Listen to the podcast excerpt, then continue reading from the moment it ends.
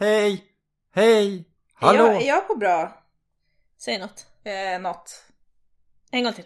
En gång till. till. Ja, ja, ja. Det är bra. Det är bra. Det är bra. Något! Hur många gånger kan jag säga?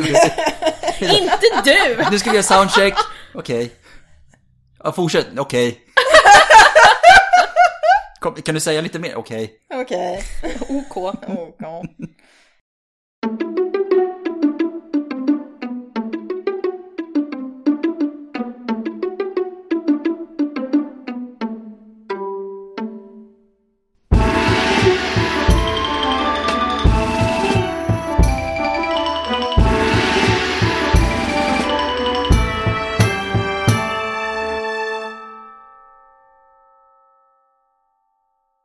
Hej och välkomna till ett nytt avsnitt av Podius Castus, en podd om antiken.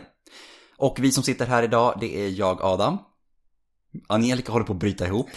Och jag, Emily. Ja. Och dagens avsnitt... Är det okej? Är det okej? Ja, jag vet inte varför. Angelica är bara glad över att vara här. Det...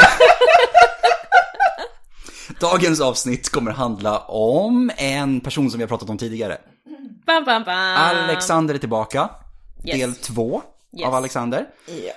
Och Angelica torkar tårar. Eh, och del ett är ju nödvändigt att lyssna på innan Ja. man lyssnar på det här, ska Ja. säga. Eh, för att det här är ju ett narrativ. Alltså del Och- ett är ju the origin story. Exakt, och det, man kan inte börja på bok två om man inte har läst bok ett, typ, i det här fallet. Om man inte är jävligt bra fantasi. Och kan typ fylla ut det som saknas. Ja, bara Ja, kan man allt om Alexander, sure. Då kan man göra Absolut. det. Om man bara vill lyssna på den här delen. Fast om man kan ska- allting om Alexander, varför lyssnar man på oss då? Sant. Man bara vill höra att vi har fel ifall, alltså i- Ja. om vi har fel eller inte. That is true, that is Ja. true. We serve Sen Eh, är vi ju alltså väldigt underhållande. Det kan vi säga. That is true. Det är faktiskt, Angelica har jätteroligt. Ja. Ja, ja, fantastiskt roligt. det är vi som är underhållna. Exakt, precis. Eh, kort recap, del Ja. 1. Vad handlar del 1 om? Jo, det är från Alexanders födelse, Mm. hans uppväxt hemma i Makedonien. Och typ vad som händer runt omkring i hans liv med Filip, eller Fredrik, hur man också kallar honom. eh, det är också kul, det, det förstår man också om man lyssnar på del 1, varför Ja. det är roligt. Och ja, vad som händer sen när han blir, liksom, börjar komma till åren, han blir kung, Mm. eh, när Filip dör. Och fram till dess att han ska precis ge sig ut på sitt fälttåg mot Perserriket. Yes. Det är del ett. Men får vi någonsin reda på vad som hände med Fredrik? Nej, han, han fyller glömska. Källorna är inte komplett. Men då, del två, nu, tar vid precis där del ett slutar. Yes. Och det är då år 334 som vi står och stampar i. Före vår Alla tideräkning. årtal är före, Yes, om vi inte säger yes. annat. Ja. Eh, Alexander, han har precis korsat Hellesponten, Mm. omkring 50 000 man. Armén består av makedonier, greker, legosoldater, inkallade förstärkningar från Trakien i Lyrien. Också inkallade förstärkningar, det är ju typ att de har blivit tvingade att Ja, ja. förse honom Ja, det är inte med... så här, åh vi vill. Exakt. Eh, Eh, de, är inte, ni måste. Ja. de är inte riktigt allierade, de är underkastade. Ja. Och mycket likt de flesta som startar krig Mhm. så använder sig Alexander av en väldigt eh, convenient ursäkt. Ja, Han, eh, han påstår ju då att han eh, vill, vill kriga här då för att han ska hämnas den persiska invasionen av Grekland år 480. under perserkrigen alltså. Ja. Och då, och då gjorde han en poäng av att gå i då Xerxes fotspår fast åt andra hållet. Så att det, alltså det, ja. är så- det kallas propaganda. Absolut. Mm. Och det är också, vad ska man säga, casus belli, alltså orsak för krig. I och med Ja. att han gör ju det här bara för sin egen skull. Ja. Och det kan han ju inte säga Nej. till någon annan. Är det lite svårt att få folk motiverade då? Exakt, han får inte hjälp av någon annan i Nej. det fallet. Det här är mer ädelt. Jo. Noble cause. Ja men det är För- också, då får man ju med sig grekerna på tåget För också. är det någonting också, vi kommer kanske göra så här små tillbaka blickar bara till del 1 här, eller bara för att typ haka på Mm. diskussioner vi hade där. Men är det någonting vi har lärt oss om Alexander är det att han gör ju ingenting om det inte gagnar honom själv. Nej. Eller typ hans eget namn och hur han ska bli ihågkommen Ja. för framtid och såna här saker. De gör ju ett första stopp i Troja. Det är där de dansar nakna runt Achilles och Patroklos grav, Alexander och Hephaistion. Ehm, och efter det här då första stoppet så fortsätter de resan inåt land. Och perserna då? Den persiska storkungen är ju Dareios den tredje heter han. Eh, och det är han som sitter på toppen. Och sen har han massa lydkungar kallade satrapper under sig.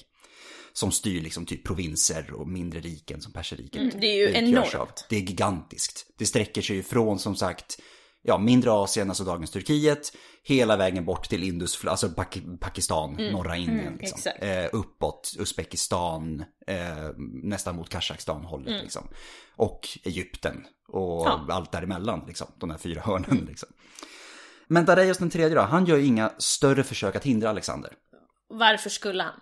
Ja, precis. Alltså 50 000 man. Ja, Alltså en ung kille med 50 000 man. ja han är ju typ 22 år gammal. eller Ja, sånt i alltså. Ja. där är det bara, eh, okej. Ja, och Mm. som, som vi säger, liksom, där är just, han härskar över det största riket liksom. Mhm. Vad, vad är det för hot? Ja. Det är liksom, det är en liten vagel i ögat.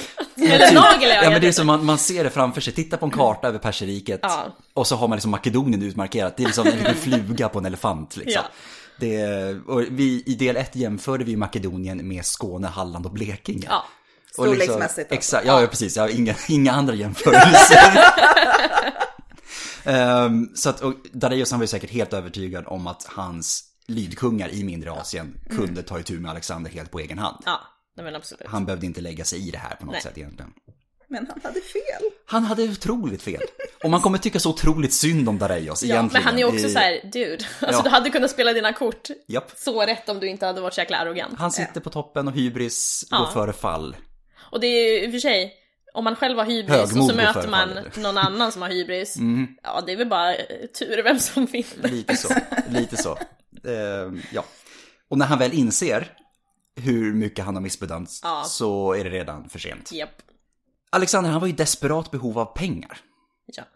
För att han behöver ju kunna finansiera sitt fälttåg. Han har ju soldater som ska få betalt. Mm. Eh, och han måste få fram material, han måste få fram proviant, alltså proviant Mm. åt alltihopa. Det är ju, det är ju, Ehm. som vi pratade om i första avsnittet, det är ju helt maskineri med människor. För det är inte bara de här 50 000 man, du har ju andra människor med också. Mhm. De kanske är dubbelt så många, ska jag säga. Mhm. Ja, ja, det hjälper. att Det är en stad han är ute och rör sig med. Ja. En rörlig stad. Och också det här liksom förberedelserna att liksom få upp den här armén, få, alltså, få ihop den, eh, hade liksom verkligen pushat Makedonien till sin bristningsgräns. Han levde faktiskt till stor del just nu på grekiska lån. Som han har fått från liksom Korintiska förbundets medlemsstater. Eh, och han behöver nu vinna mark och också få chansen till att kunna beslagta pengar från perserna. Och det ska man ju, alltså, och det är väl där också första misstaget är. Du ska inte underskatta någon som är så desperat. Nej. Alltså någon som har allt eller inget att vinna är ju så jäkla farlig. Det är liksom, Mm, ja, alltså jag vill vinna mer än du för att annars kommer jag dö. Alltså, ex- exakt så. Exakt Ja, så. Och den, an- så. och den andra har inte den, despera- alltså den desperationen. exakt. Eh, Man ska inte underskatta desperation. Nej. Nej. Men också, jag tänker att om perserna inte hade gjort något, om de bara hade låtit honom vara där, då hade han till slut ruinerat sig själv genom Ja. att bara springa runt i mindre Asien och inte liksom kunnat få, ja, han hade bara, armén hade upplösts Ja. mer eller mindre. Men alltså vem, vem skulle våga vänta ut Ja. honom? Det är det som är grejen. Mm. Ingen lydkung vågade ju vänta ut honom. För det skulle ju det skulle inte se så himla bra ut. Dareios skickar ett brev och säger, vänta lite, varför är han fortfarande kvar här? Ja. Vad håller ni på med? Ja. Och om man tänker typ andra världskriget, typ Ryssland, när Hitler kommer dit. De bara, vi bränner ner hela skiten. Och Hitler bara, shit jag måste vända liksom hemåt. Hade de gjort så, så hade det varit över. Och vad gör de istället? De går rakt in i Rakt in, rakt in i smeten. Japp. Den första striden mellan Alexander och perserna utkämpas i maj 334. Så alltså samma år som han har korsat, bara liksom några veckor efter han är framme egentligen. Eh, och det är vid floden Granikos. Inte alls särskilt långt från Troja ska tilläggas. Så han är precis nydansad och nyoljad och liksom rakt ut i... Rakt dansade ut- in på Exakt, på. Tjoho, jag är här! Och bara, där kommer han. Japp. Eh, perserna var i sin tur också förstärkta av grekiska legosoldater från de joniska städerna. För det är också viktigt att komma ihåg att många av de grekiska städerna runt det Egeiska havet tillhörde perserriket vid, det här, vid den här tiden. Precis, de låg över, de, de ligger i dag, låg i dagens Turkiet. Precis, på västkusten. här. Också det här med legosoldater. De går till den som betalar. Det är det ju. Ja. Absolut. Och i det här fallet har perserna otroligt mycket mer pengar Ja. Ja. än vad Alexander har. Mm. Eh, och då är det ju självklart. och vi vet ju att Alexander, han är ju inte den som står på en kulle och ger order. Nej. Han ska vara mitt i händelsernas centrum. Lite som eh, Gustav II Adolf Ja. faktiskt. Och hans, 30-åriga jag tänkte säga hans farsa. Inte Gustav II Adolfs Nej, utan farsa, Filip. utan Filip. Som... Inte Fredrik. Nej, exakt. Inte Fredrik. Som också skulle vara i händelsernas Men man kan ju, och det är det också, Alexander kan ju inte vara värre än farsan. Nej, Det nej. går ju inte. Nej. Det är mycket som står på spel. Det, så är det ju. Så han, han leder första alltså anfallet rakt in i mitten. Och vid Grannikos, det här också kommer att bli återkommande också, Alexanders stridsskador. Ja. Eh, för precis som Filip, vi beskrev ju Filip i del 1. Ja, just det. Enögd och- ja, Ärrad och halt och alltihopa. Och Alexander kommer nog inte vara så mycket sämre i slutändan. För vid Grannikos så tar Alexander ett spjut i bröstet och i axeln. Eh, ett svärdshugg som delar hans hjälm mitt i tu. Eh, och han hade nog till och med dött. För det var ett till svärdshugg på väg. Ja. Men där dyker Kleitos upp. Eh, som vi minns från del 1.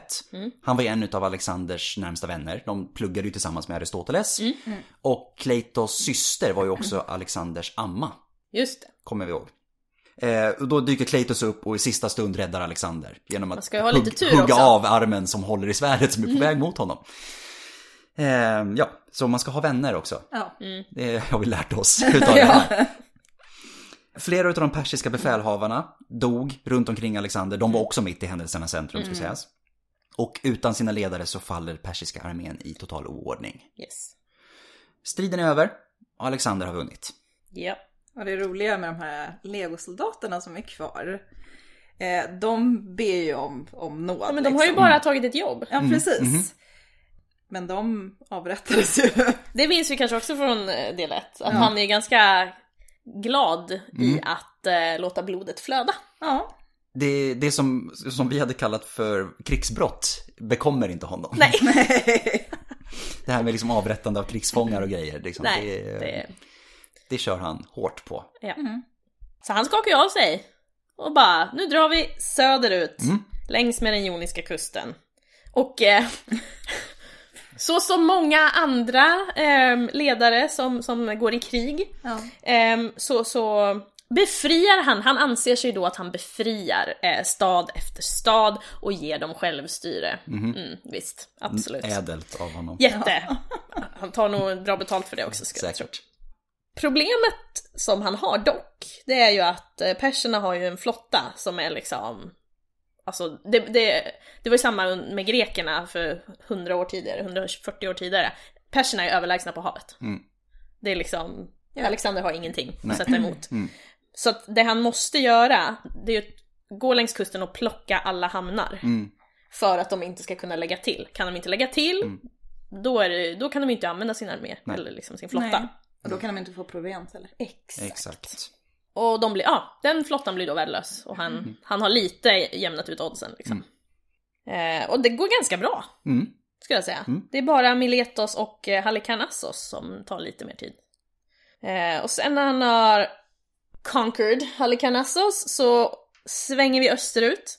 Och eh, går parallellt med mindre Asiens sydkust. Mm. Sen kan vi inte säga att alltså, han chillade liksom. Det var inte, det var inte nödvändigtvis aslätt heller. Nej. För att perserna har ju lite Money. mer. They have the, the cash. Så att det perserna gör eftersom de har cash, Mm. det är att eh, de värvar nya legosoldater från de här befriade joniska städerna, vilket Mm. kanske tyder på att de är lite pissed på Alexander. Bazinga, de dyker upp där liksom bara, hej, nu är vi bakom dig istället. Eh, nu Ja. är du omringad. Yes. Så att nu, nu har vi kommit till vintern också. Nu Mm. börjar vi närma oss årsskiftet 334-333. Och ja, nu är det perserna all the way för de här städerna. De, de här med självstyret var inte så bra som Alexander tänkte sig. Speciellt inte om han eh, lånade lite pengar från dem också. Jaha. Så det ser ju inte så himla bra ut just i detta nu. Och som du Alex Alexander. Du, jag Alexander. Jag Alexander!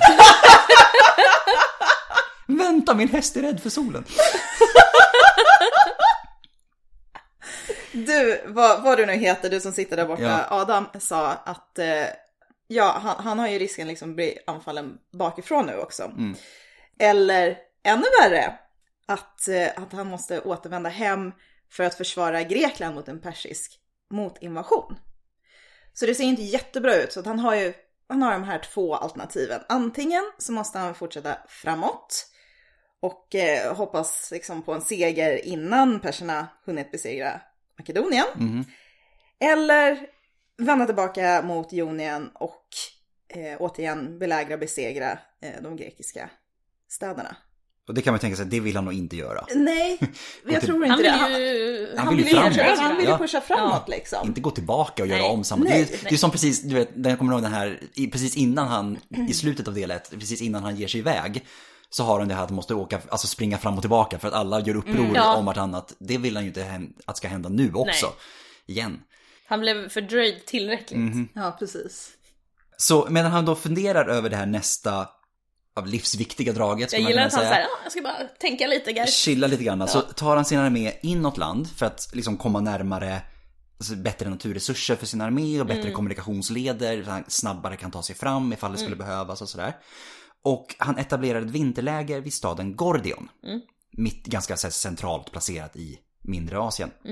Och centralt placerad i Gordion så stod det en gammal oxkärra. Och nu kommer vi till en snill sån här anekdot Ja. eh, runt Alexander. Eh, som minns den här berättelsen med Bukefalos i del 1 och sån här. Det här är en klassisk berättelse också. För den här gamla oxkärran, den ska ha dedikerats åt Zeus av självaste kung Midas på 700-talet. Alltså den Midas med gyllene handen och hela Ja. den här biten. Eh, och det sades, det fanns en skröna runt den här oxkärran då, att den som kunde knyta loss kärrans knut skulle bli herre över Asien.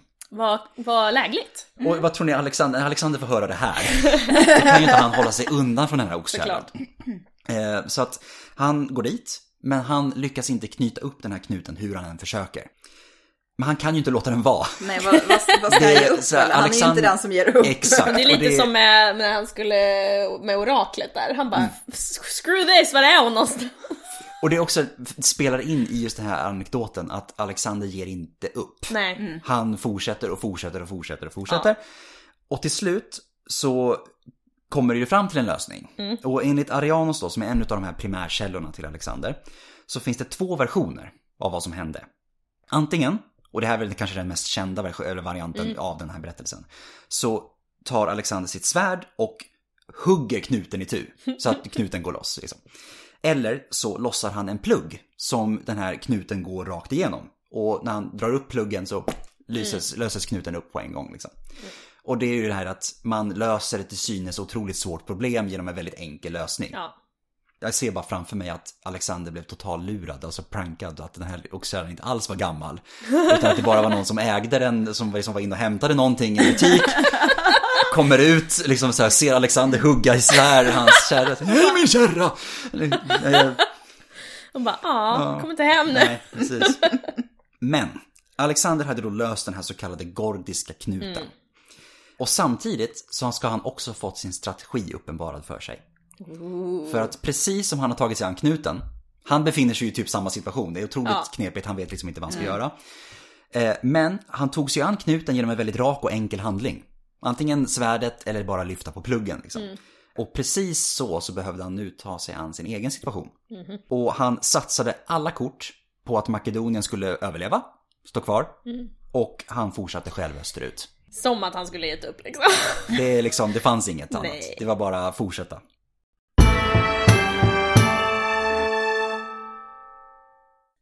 Så nu är vi på våren eh, 333 för tidräkning.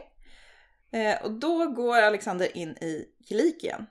Och det är området som det området ligger på gränsen mellan dagens Turkiet och Syrien. Och eh, Alexander hade ganska mycket tur. Den höll i sig till sommaren. Och då hade den här situationen i Jonien eh, lugnat ner sig. Ja, lite tur ska man ju ha också. Mhm. Ja, ja, absolut. Och det är ju det att i och med att han fortsatte framåt så drog han till sig persernas fulla fokus. För nu är han ju faktiskt ett reellt hot också, Mhm. vilket gör att de kanske inte känner att nej, men vi kan inte skicka delar av vår armé över havet till grekerna Nej. liksom, Nej. utan vi, nej, vi satsar nog alla kort hemma. Så de här joniska legosoldaterna, Istället för att de ska segla över havet och anfalla Grekland och Makedonien så kallas de österut istället, förbi Alexander. Så att liksom ska mötas upp med de andra. Och det, Dareios har nu helt övergivit mindre Asien åt Alexander. Fatta vad fort det har gått egentligen. Mm. Det är bara Det är ett par sjukt. månader.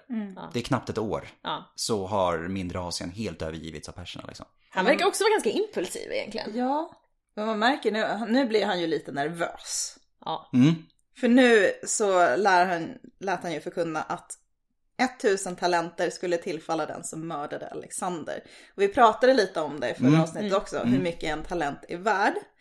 Och en talent i dagens silvervärde är typ 230 000 kronor. Det är ju otroligt mycket pengar. Mhm. Och det är en talent. Det är en Ja, talent, en precis. Men en talent i guldvärde, det är typ 20 miljoner. Och sen Ja. har vi tusen talenter. Tusen talenter. Det är helt Det är fruktansvärt mycket pengar. Och det är ändå lite pengar med vad som kommer att florera Ja. senare. Det är sjukt hur mycket pengar det egentligen rör sig Ja. om i allt. Det, komiska med, det, med den här, Mm. ja, det är ju att den här belöningen skulle ju få störst effekt på makedonierna själva. Det här är jätteroligt. Ja. Så här. The story goes. det är en varm sommardag och Alexander går och badar i en iskall källa. Men temperaturskillnaden gör att hans kropp hamnar i chock. Men ingen läkare vågar ju röra honom då eftersom att då är de rädda för att bli utpekade som förrädare som har haft ihjäl honom. För att det finns en jättebelöning ute på hans Ja. liv. Så Han har ju tur igen då. det är också han... kul. Kan, hörru, ja, kungen håller på att dö. Nja, ah, ah, ah. Ja, nej, nej. no. I ain't touching Mm, nej, that. Nope, nope, nope. Men som tur är så blir, tillfrisknar han ju då. Ja, Eh, Men det har ju gått en stund då faktiskt. väldigt dyrbar tid har gått förlorad om Mm. inte annat. Och samtidigt så, så kommer en del oroande nyheter. Mm. Dareios själv är på väg med världens största armé. Nu har han fått, nu har han fått nog. Ja, nu han tänker det han ta, ta tillfället i akt. Exakt. Och Parmenion minns vi från del 1. Parmenion är ju gammal i gamet, på att säga. Han är ju en utav, eller var en av Filips närmsta befälhavare. Och han har ju, Alexander har ju nu ärvt honom. Eh, så han är ju som gammal, vis, erfaren, lite så här, kanske lite för tråkig för Alexander kan man tänka sig. Ja, det här är en förnuftets Eh, man. Exakt, lite så. Och han är också fungerar som en perfekt kontrast till Alexander. Om Alexander är den här liksom impulsiva, unga, framåt, ambitiösa så är Parmenion den här gamla, lite så här, mm, tillbaka, Ja. visdom och hela den här biten. Så att de är perfekt, så att säga, Det är också väldigt så mot här, lägligt då att de spelar på varandra på det här viset. Exakt. Eh, så Parmenion då, han, råd, han, han ger nu Alexander rådet att vänta in Dareios vid en plats som kallas Issos. Och den här platsen ligger då precis på gränsen mellan dagens Turkiet och Syrien, precis liksom mitt smack. Eh, och härifrån så hade de då fördelen är att de kunde ha uppsyn över samtliga tre vägar som Dareios kunde komma från. Det är liksom tre bergspass liksom. Alexander är inte den som lyssnar på Oh råd my sådär. God, Eh, ja. Han är ju såklart omgiven utav mängder med kompetenta människor. Mhm. Eh, men Alexander gör som Alexander vill. japp. Och Alexander är helt övertygad om att Dareios ska komma längs den södra vägen. Så han drar hela sin armé längs den södra vägen för att tänka att nu banne mig ska jag överraska honom Ja och vet du, vinna det här fort som, fort som attan. Men kom han där då? Han kommer ju självklart via den nordligaste vägen istället. Så han är ju inte ens i passet bredvid, utan han är i passet alltså, ännu längre bort. Liksom. Eh, vilket gör att Dareios dyker upp bakom Alexander helt Japp. plötsligt och sveper över det makedoniska lägret. Vilket gör att alla som är kvar i lägret, typ skadade, sjuka, de blir totalt överrumplade av den persiska armén nu ja. helt plötsligt. Och Alexander är helt utelämnad. Nu är han helt ensam i, alltså i, Ja. ja, mitt i fiendeland Ja. och har liksom ingen annanstans att ta vägen. Ja. Och sen så kan man ju säga att om Dareios då hade stannat kvar och hållit sin position. Nu gör de samma misstag igen. Ja, för det är också så här, för all proviant, allting finns ju i det här läget. Ja, ja. Ja. De hade ju svultit ihjäl immediately. Ja.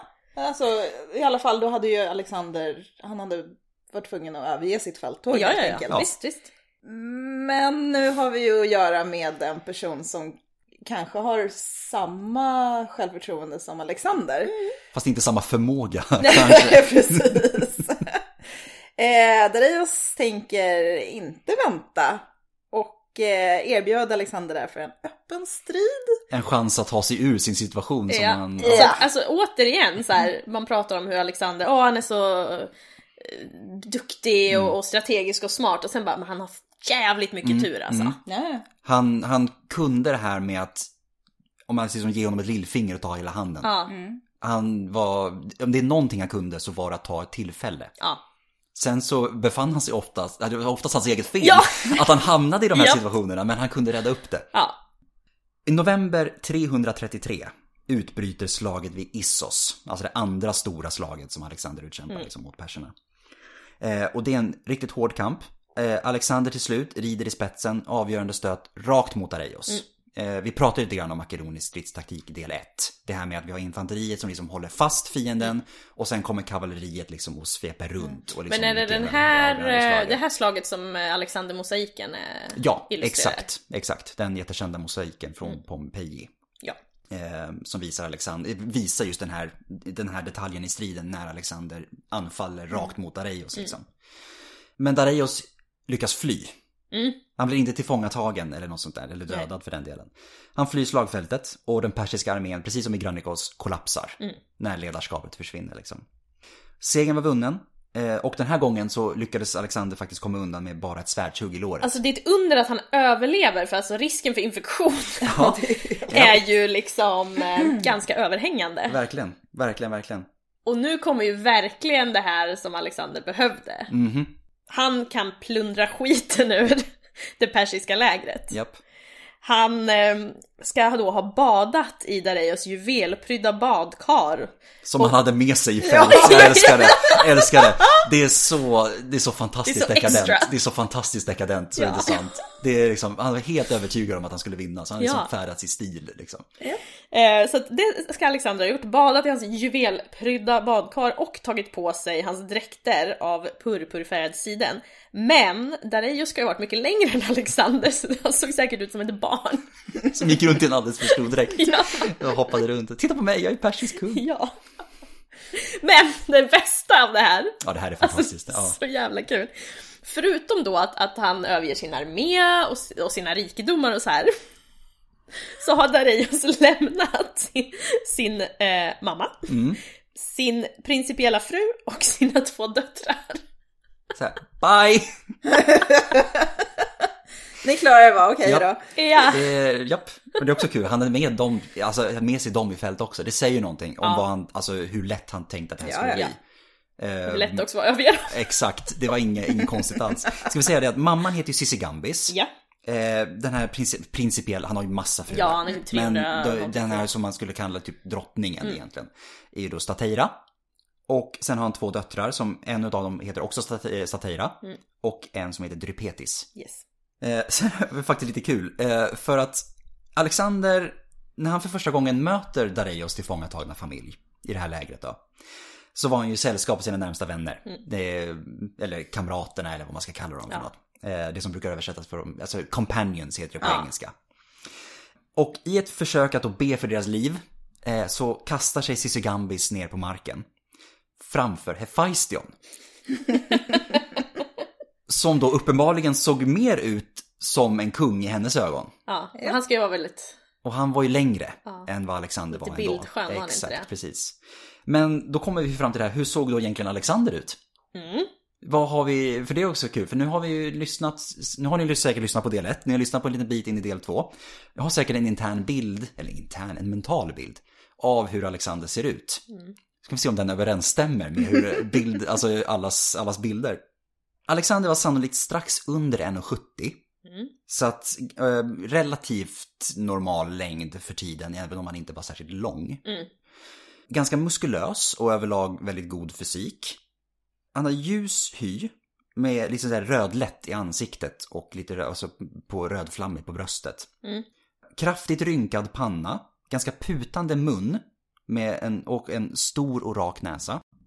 Håret, det var ljusbrunt, vågigt. Eh, Gick nästan ner till axlarna, var struket bakåt med en mittbena. Alltså jag, jag tänker typ någon sån här 80-tals Ja, typ. grej alltså. Och så hade han polisonger men inget skägg.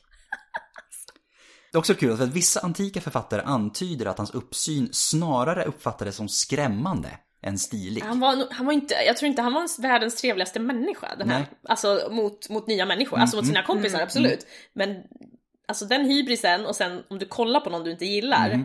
Mm. Alltså det hade nog inte varit jättenice. Jag tror inte det. Han motsvarade i alla fall inte det samtida grekiska skönhetsidealet för män. För det låg ju liksom närmare brunbränd hy och skägg. Ja. Som då han, han bockar ju inte i på någon av dem. Nej, precis. Eh, många ska till och med faktiskt ha blivit besvikna första gången de mötte Alexander. De tänkte, jaha är det så det ser ut? Så tänkte, Det kanske ja. är därför han är så, så mycket med handlingar. Ja. Han bara, mitt utseende lämnar inte mycket för... Nice compensating for something. Ja. Japp.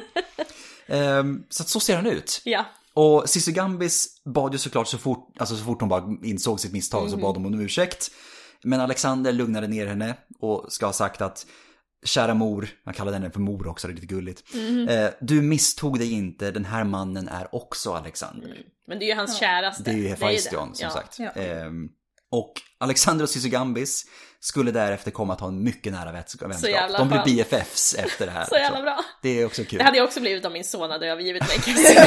För det första om min son hade, med, med en sån överlägsen armé hade Mm. förlorat, bara det är ju såhär, okej du suger, du är inte min son. Och sen, du lämnade mig åt mitt jävla öde Ja, liksom. precis. Dra åt Du helvete. stack. Åh. Åh, Och nu försöker Dareios rädda upp situationen. Och försöker rädda... Jag gillar att, shit jag kanske vill ha min familj ändå liksom. Oh shit, är de kvar? Försöker såhär save face liksom. Och, här, och det, det här är ju också, ja, det är fantastiskt för att han har, han har ju förlorat liksom. Alltså Alexander har ju rikedomar, han har Dareios familj, han har liksom alla de här soldaterna till sitt förfogande, alltså allting. Och Dareios då bara, okej, okej, du kan få 10 000 talenter och då får jag tillbaka min familj. Och, och sen, allt det du redan har, har tagit, det kan du få behålla. Men, men så, så, så kör vi fred Exakt. här. Och Alexander bara, Hä? Men det han gör är ju Det är, fantastiskt bäst, det är roligt. så fantastiskt. kul, så Ska kul. vi bara för betona 10 000 talenter. Ja, 10 000. Och han- Kommer vi ihåg hur mycket tusen talenter var? Ja. Det här är alltså 10 gånger mer. Ja, och det är också så här, mm. Ja, Helt sjukt. men vad gör han då? Ja. Ja, alltså. han får det här brevet, han läser och han bara, oh, gotta do something about this. Så han gömmer det och låter upprätta en förfalskning som enbart innehåller den här lösensumman för Dareios familj. Och han visar det för sina befälhavare och de blir ju såklart rasande och säger det här är ju en skymf, det här är ju, nej, det här är fruktansvärt. Och Alexander svarar sedan Dareios att nu är det ju han som är kung över Asien. Och endast Alexander kunde nu bestämma vem som skulle få styra över vad. Jag kan se Alexander prata om sig själv i tredje person också. Ja, ja, ja, gud. Ja. Från Issos då, så drar Alexander söderut. Eh, han går genom Syrien, längs med Levantkusten. För målet är ju fortfarande att erövra hamn, hamnstäder. Ja. Persiska flottan finns ju fortfarande. Och jag kan tänka mig att de rusar väl i panik efter Alexander. Liksom, bara, Shit, vi måste hinna före honom till en hamn. Liksom. Ehm, och huvudmålet här är ju den feniciska staden Tyros. Tyros är ju också Kartagos moderstad, vill säga. De som skickade ut kolonin som sen blev Kartago. Och Tyros hade den främsta hamnen i det östra medelhavsområdet. Men Alexander har ett litet problem. För Tyros ligger på en ö. Nästan 800 meter utanför kusten. Och Alexander har inga skepp. Men stoppar det Alexander? Nej, det är klart inte gör det. Han kunde gå på vatten ifall han liksom... Ja. Eh, Men det han gör är att han låter bygga en konstgjord landbro av sten och jord. De skyfflar dit, alltså material och bara alltså. bygger en landbro Alltså om man tänker ut. hur, länge, hur lång tid det tog att bygga bron över liksom Öresund. Mm. Det, och så jag fattar liksom att sitta i staden och se den här landbron sakta, sakta krypa ut mot dem. Och tänka, äh, vad händer, vad håller han på med? Får han göra, är det där, är det där tillåtet? Vad, Ja. vad gör han för något? Eh, belägringen inleddes tidigt år 332. Och till sommaren samma år så stod den färdig. Så på fasen bra ett drygt jobbat. halvår så har de byggt en landbro ut till Tyros, 800 meter. Det, ja. Eh, och jag ska säga att de blir ju anfallna under tiden. Ja. Såklart, för att de, alltså, de skickar ju skepp mot Ja, dem, som brandskepp visst. och grejer. De, alltså, ja, så att de gör ju sitt bästa för att hindra det. Men Alexander går inte att stoppa i det här fallet. Han ska dit. Det, är liksom, det går inte. Eh, och efter en hård strid, eh, kommer ihåg TB del 1? Ja. Eh, Thebe fanns ju inte längre. Nej. Efter, det här, efter den här belägringen så finns inte Tyros heller längre. Sitter och skrattar. Jag vet, det är så jävla hemskt. Och de som sen överlevde, drygt 30 000, de såls i slaver, säljs i Ja, slaveri. fan. Tyros skulle aldrig bli en viktig plats igen. Alexanders landbro existerar faktiskt fortfarande Det är idag. fan galet. Mhm. Och det har gjort att Tyros idag är en halvö. Dareios, ja, sammanfattningsvis då, så har ju Dareios faktiskt förlorat en enorm del av hela sitt rike. Mm. Från mindre Asien i norr till Fe- Fenicien och Palestina i söder. Mhm. Alltså det är en stor jäkla kakbit eller tårtbit det här liksom som är liksom... Absolut. Vad gör han då? Nu försöker, nu försöker han igen Nu här. blir han desperat Han, igen. han, ger, han ger sig inte heller, det är Nej. det som är så kul. Nu, nu erbjuder han Alexander allting väster om Eufrat, alltså Ja, floden. Just det. Plus sin äldsta dotter och 10 000 talenter. Och Parmenion då, gammal i gamet, lite Ja. försiktig, han har ska då ha sagt till Alexander så här, men om jag var Alexander hade jag nöjt mig eh, med det här. Mm. Varpå Alexander då ska ha svarat, det hade jag också gjort om jag var Parmenion. Så burn. Alltså jag älskar dem. Deras dynamik är fantastisk. Ja. För jag ser den framför mig. Det är en gammal person som bara vill hem igen. Ja. Och någon som bara tänker, sluta vi ska framåt. Ja, verkligen. Och, och med det då så svarar ju Alexander Dareios att eh, allt som Dareios har erbjudit honom, det, det kan han faktiskt ta själv. Ja. Han behöver inte Och någon mer, tillåtelse. och mer därtill. Ja, Mm. det Det, Så att eh, Dareios bara, ha fuck. Eh, Det gick inte att smöra in mig där, så Mm. Nej. att vi får väl slåss igen då. och För han har ju inte gett upp. Nej, Det har nej, han ju nej, nej. Och under tiden så har ju Alexander fortsatt söderut Mm. från Tyros. Och jag ska säga det att efter behandlingen av Tyros så kapitulerar nästan alla städer runt omkring. Ganska effektiv Det, eh, ja, metod. där. typ så. Mm. Men endast Gaza stod emot. Eh, och möttes av precis samma öde som Åh, Tyros. Eh, ja. Ehm, Alexander skadades svårt i ena axeln under den här belägringen också. Så här tar han ytterligare en, en, en skada. Men det är lite så här. ni skadade mig era jävlar. Ja, hur vågar ni? Ni har rört mitt kungliga blod. och- Ja, hela den här biten. Ehm, framåt slutet av 332 Mm. så går Alexander in i Egypten och hyllas som en befriare. ja. Egypten har varit otroligt bråkig under, Mm. alltså persers, eh, perserna, för perserna så att säga. De har gjort revolt på revolt på revolt. De var ju vana att vara ett, det största riket och det rikaste riket. Alltså de är inte ja. vana att ha någon över sig. Det Mm. Nej. gillar ju inte de alls. Och det har inte funkat alls med, pers, alltså med en persisk lydkung på Nej. plats och såna här saker. Och Alexander, han, ju, han försöker nu legitimera sin makt i Egypten. Han liksom satsar hårt på Egypten. Eh, genom att framställa sig som en ny farao, liksom, försöka liksom fortsätta det här avbrutna ledet eh, och ta upp det igen. Under nästan ett helt år stannar han kvar i Egypten. Och han agerar ungefär som om kriget redan var vunnet. Älskar det. Det, han, det, är så chill så det är inte sant. Eh, han låter restaurera eh, flera tempel som har liksom fallit i, som, i och med att som de har försummats en del under persernas styre. Liksom. Så han låter restaurera dem, bygger flera nya tempel. Men det gör han ju åt de egyptiska gudarna.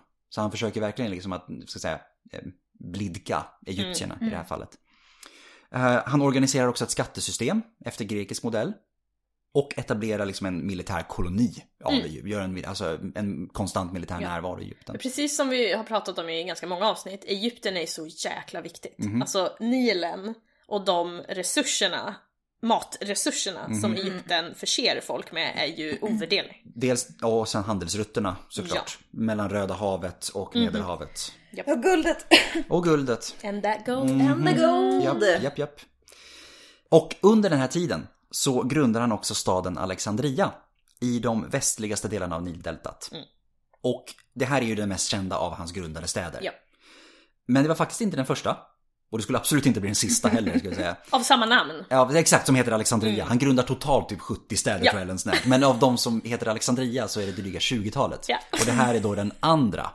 Eh, för den första hade han grundat strax efter slaget vid Issos, Mm. i närheten av, av platsen för striden då. Och Alexandria ska ju sen såklart komma att bli typ eh, den staden i, Ja. Medelhavs, i den här delen utav Medelhavet. Ja. Då, liksom. Men verkligen. Sen i Memphis, som liksom är gammal traditionell Mm. huvudstad i Egypten, kröns Alexander till farao. Och förkunnas i och med det också Mm. som son till solgu- solguden Ra Ja. och som en levande inkarnation av himmelsguden Horus. Mm. Alexander hade nu blivit en levande gud. Shit alltså. Han behöver inte det här. Nej. Nej, han... Eh, nej. Han behöver inte mer bekräftelse. Och det, det, det ironiska är att det ska komma ännu mer Det tar inte stopp bekräftelse. här. Det tar inte stopp så, här. så inte nog med att han då är egyptisk gud. Mhm. Mm. Eh, I januari 331 eh, så beger han sig till ett, känt, till ett för grekerna känt orakel, eh, Amon i Siva. Det är alltså en oas i den libyska öknen. Och enligt Plutarkos så ska den här överste prästen då ha velat välkomna Alexander på grekiska. Grejen var att den här prästen var inte jättebra på grekiska. Så att han ska ha gjort ett ganska litet men eh, jättestort misstag och sagt, han, han, han ville säga så här, välkommen min son. Lyckas säga välkommen Zeus son. så att eh, det är inte Alexanders scen att berätta för typ alla. Nej. Att eh, Amons orakel eh, bekräftar min gudomlighet guys. Så att eh, förutom då att jag är egyptisk gud är jag nog också Zeus son. Så, ja. Japp, japp, japp. För jag ska säga det, de som har lyssnat på minisnittet om eh, Ptolemeiska gudar vet ju att eh, Amon, den egyptiska Amon, identifierades ju med Zeus av grekerna. Så därav kopplingen liksom. Och han gick ju självklart säkert till Amons orakel för att typ få omen inför eh, sin framtid. För att kort därefter, i april 331, så lämnar Alexander Egypten. För nu ska han ta itu med Dareios en gång för alla. Han har chillat i ett år liksom. Exakt. Nu, ja. Eh, Så nu tänker han att nu tusan, nu ska, det, nu ska vi få slut på det här. Medan Alexander varit i Egypten så har ju inte Dareios suttit och rullat tummarna precis. Nej. I närheten av Babylon så hade Dareios samlat den största armén som antiken någonsin skådat. Damn! Eh, Det kan ha varit så stor som 250 000 man, även om det troligen kanske inte Nej. så mycket. Men ändå stort. De antika källorna säger liksom att ja, men, det är upp till en miljon man. Att det, är Ja. liksom, det är så typiskt. Ja men de har ju en tendens och det, det pratar jag om i, i eh, minisnittet om eh, den judiska revolten också, att de har ju en tendens att överdriva. Både, Ja. både om de har ihjäl folk, antalet de har ihjäl, men också antalet de har att slåss med. Exakt. Precis. Men i alla fall kan vi hålla oss till att det var en armé överlägsen Alexanders egna. Ja. Ja. Så Dareios hade ställt sig vid Gaugamela i norra Mesopotamien och hindrade Alexanders väg mot Babylon.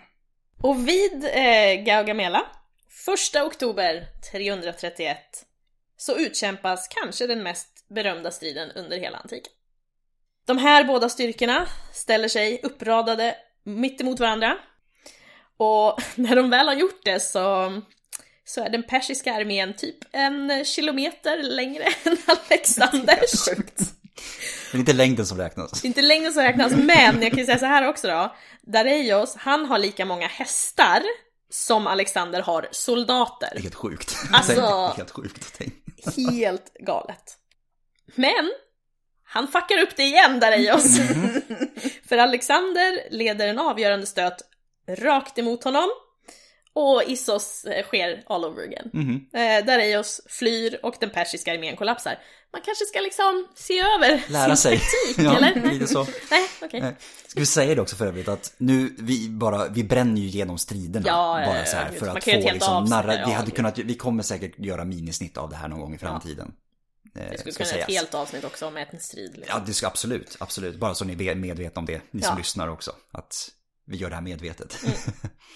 Men Gaugamela skulle komma att bli den avgörande striden dem emellan. Ja. Nu, är det, nu är det över. Det- Alexander lyckades med det han ville. Men Dareios flydde ju. Ja.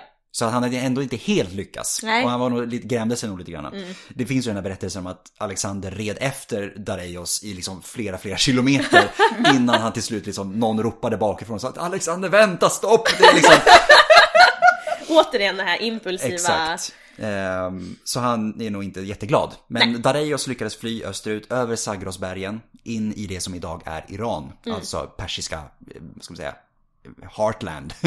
Eh, Lite så. Eh, Han har nu övergivit Mesopotamien åt Alexander också. Så att liksom, först var det mindre Asien som rök Ja. och sen liksom hela resten utav östra Alltså. medelhavet. Nu har han också övergett Mesopotamien. Och det är också, Mesopotamien är också ganska rikt. Det är ju är det någonstans man vill ha sin kontroll så är det ju här liksom. För att här ligger Babylon och Susa. Och det är två av de viktigaste och rikaste städerna i hela. Det är liksom, Perseriket har liksom flera huvudstäder. Ja. eh, Som fungerar liksom som, ja, lite, har lite olika funktion. Typ som Sydafrika och Sydafrikas fyra huvudstäder, lite grann så. Och Alexander hade ju nu blivit världens troligtvis mäktigaste och rikaste man. Bara i Susa så beslagtog han 40 000 talenter i guld. Okej, 40 000 gånger 20 miljoner. Ja, gör den uträkningen lite snabbt. Eh, ah, har någon en telefon? Jag kan- jag ja, kör Adam, så ska vi se. 740 miljarder kronor. Fy fan. Och det var bara i Susa. Och det är, det är inte medräknat det han redan har beslagtagit dessutom.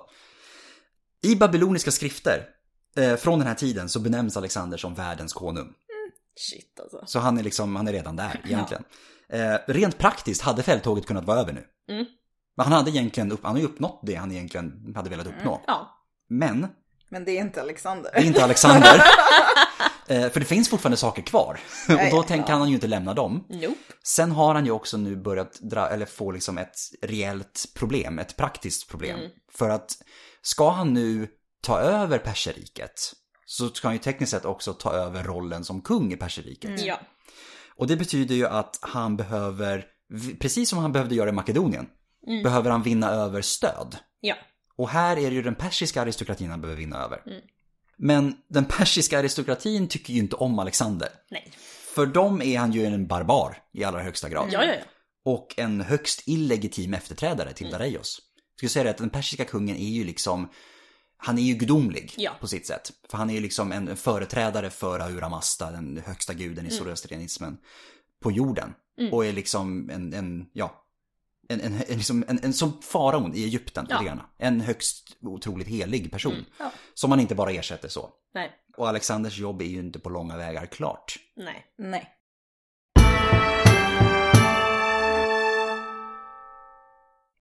Och det han gör då är ju att år 330 så lämnar han Babylon. Och då går han mot Persepolis. Och det är den enskilt viktigaste staden i Perseriket.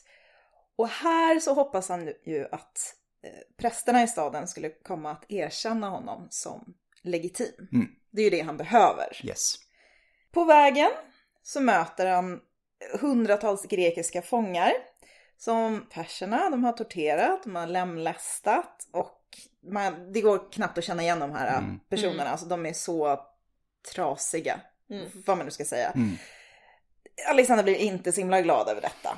Det är också så här ironin med tanke på vad han gör mot andra. Det är, Ja. Ja, men det här är ju greker. Ja. Exakt. Så eh, Alltså, han släpper också alla tankar på prästerna i Persepolis. Så det han gör när han kommer till Persepolis, det, målet är eh, att det skulle plundras och avbefolkas. Mm. Ja. Det, Bort med präst. Lite såhär change of plans Ja. på Lite så.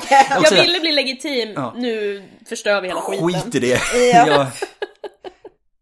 Han hänger kvar i ungefär fem månader och låter armén bara göra vad de vill. Mm. Eh, vilket är ganska vidrigt egentligen om Ja. man tänker på det. Och under den här tiden så utbryter det plötsligt en brand i ett av de här palatsen och, så, och den här branden spred sig då snabbt. Mm. Hans, Alexander ska då ha beordrat sina män att släcka branden, men det var för sent.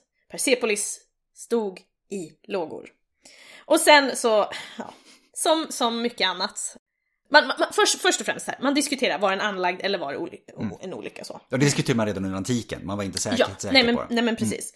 Och eh, då har vi både Plutarkos och Diodoros. De beskyller en kvinna vid namn Thais för att ha uppviglat till den här branden. Och precis som med allt annat så är det alltid kvinnornas fel. De lyckas hitta en kvinna mycket För lättare det att skylla, är kvinnornas fel, kvinnornas fel. Också det att i- uppviglat till branden. Ja, ja, ja. De beskyllde henne inte för att ha gjort det, utan Nej. för att ha liksom, Men, manipulerat men, ja, andra men det är ju att göra det. det är, det kvinnor gör. Ja, men exakt, bara ja, manipulativa. manipula- Exakt, Mm. exakt, exakt. Ska vi säga att Thais var ju en av hetärerna vid Alexanders hov. Eh, Det här med liksom den mindre staden som rör sig så fanns det ju självklart Mm. Och också... en hetär var en typ av lyxprostituerad. Lite så En utbildad lyxprostituerad. Exakt. Ehm, och också vid den här tiden Ptolemaios älskarinna tydligen. Ptolemaios också känner från del 1 som sagt. Thais var troligtvis från Aten.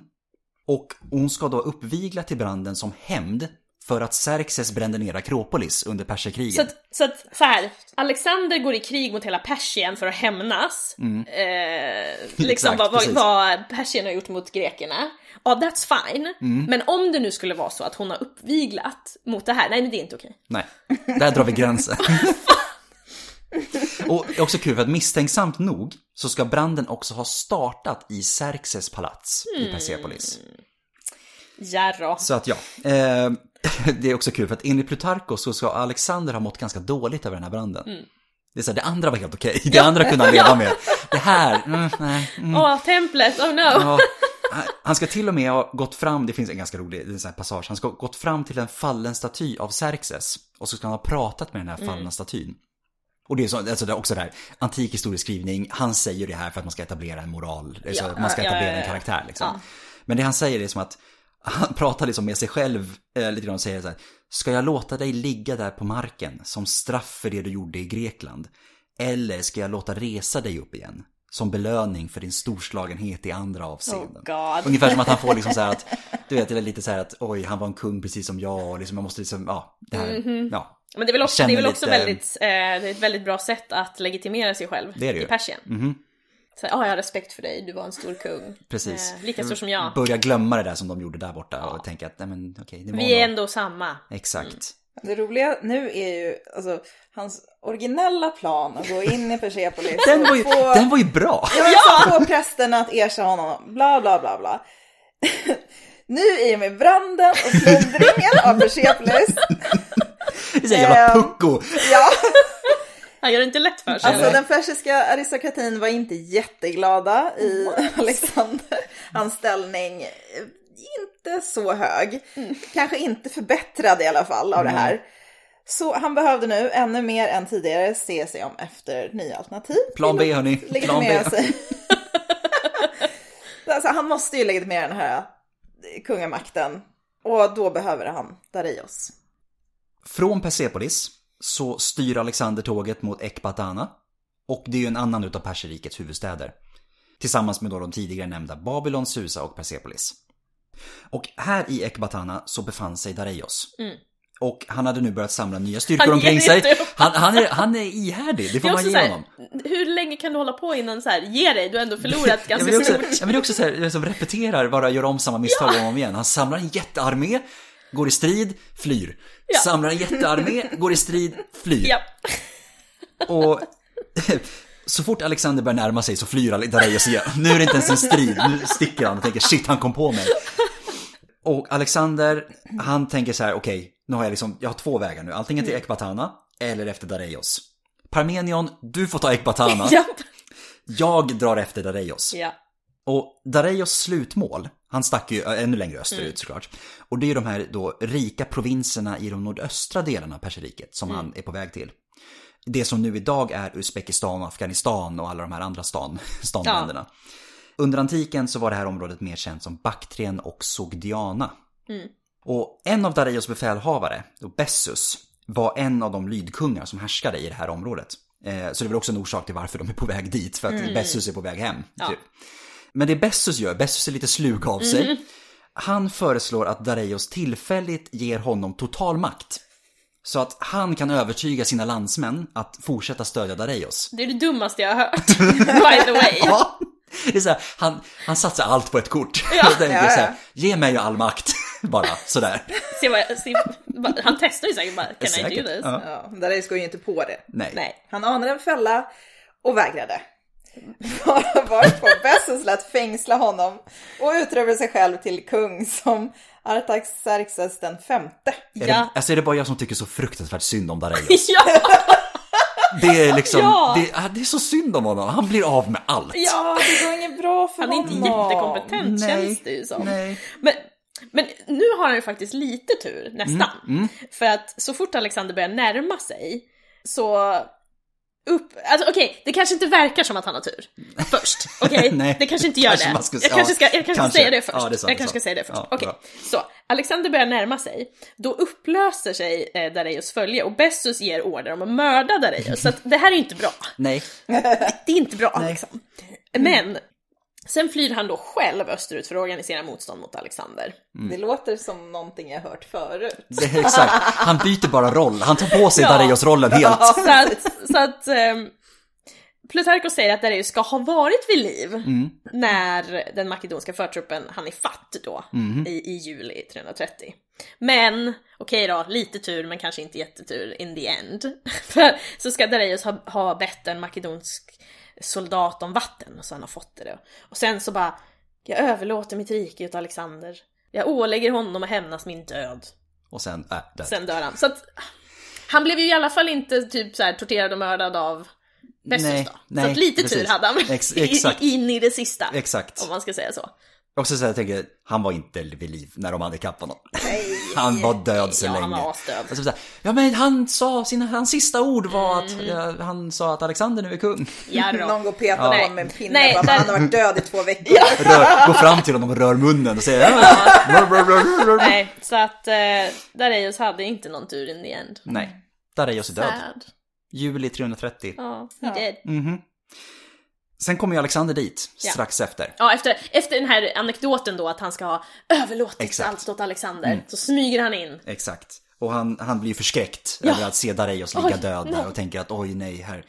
Han liksom tar av sin mantel och lägger den över Dareios och Det påminner mig om en annan eh, berättelse när Julius Caesar då eh, jagar Pompejus till Egypten. Mm. just det. Och eh, när han presenteras eh, med hans hu- avhuggna huvud så blir han helt bestört och börjar gråta. Precis.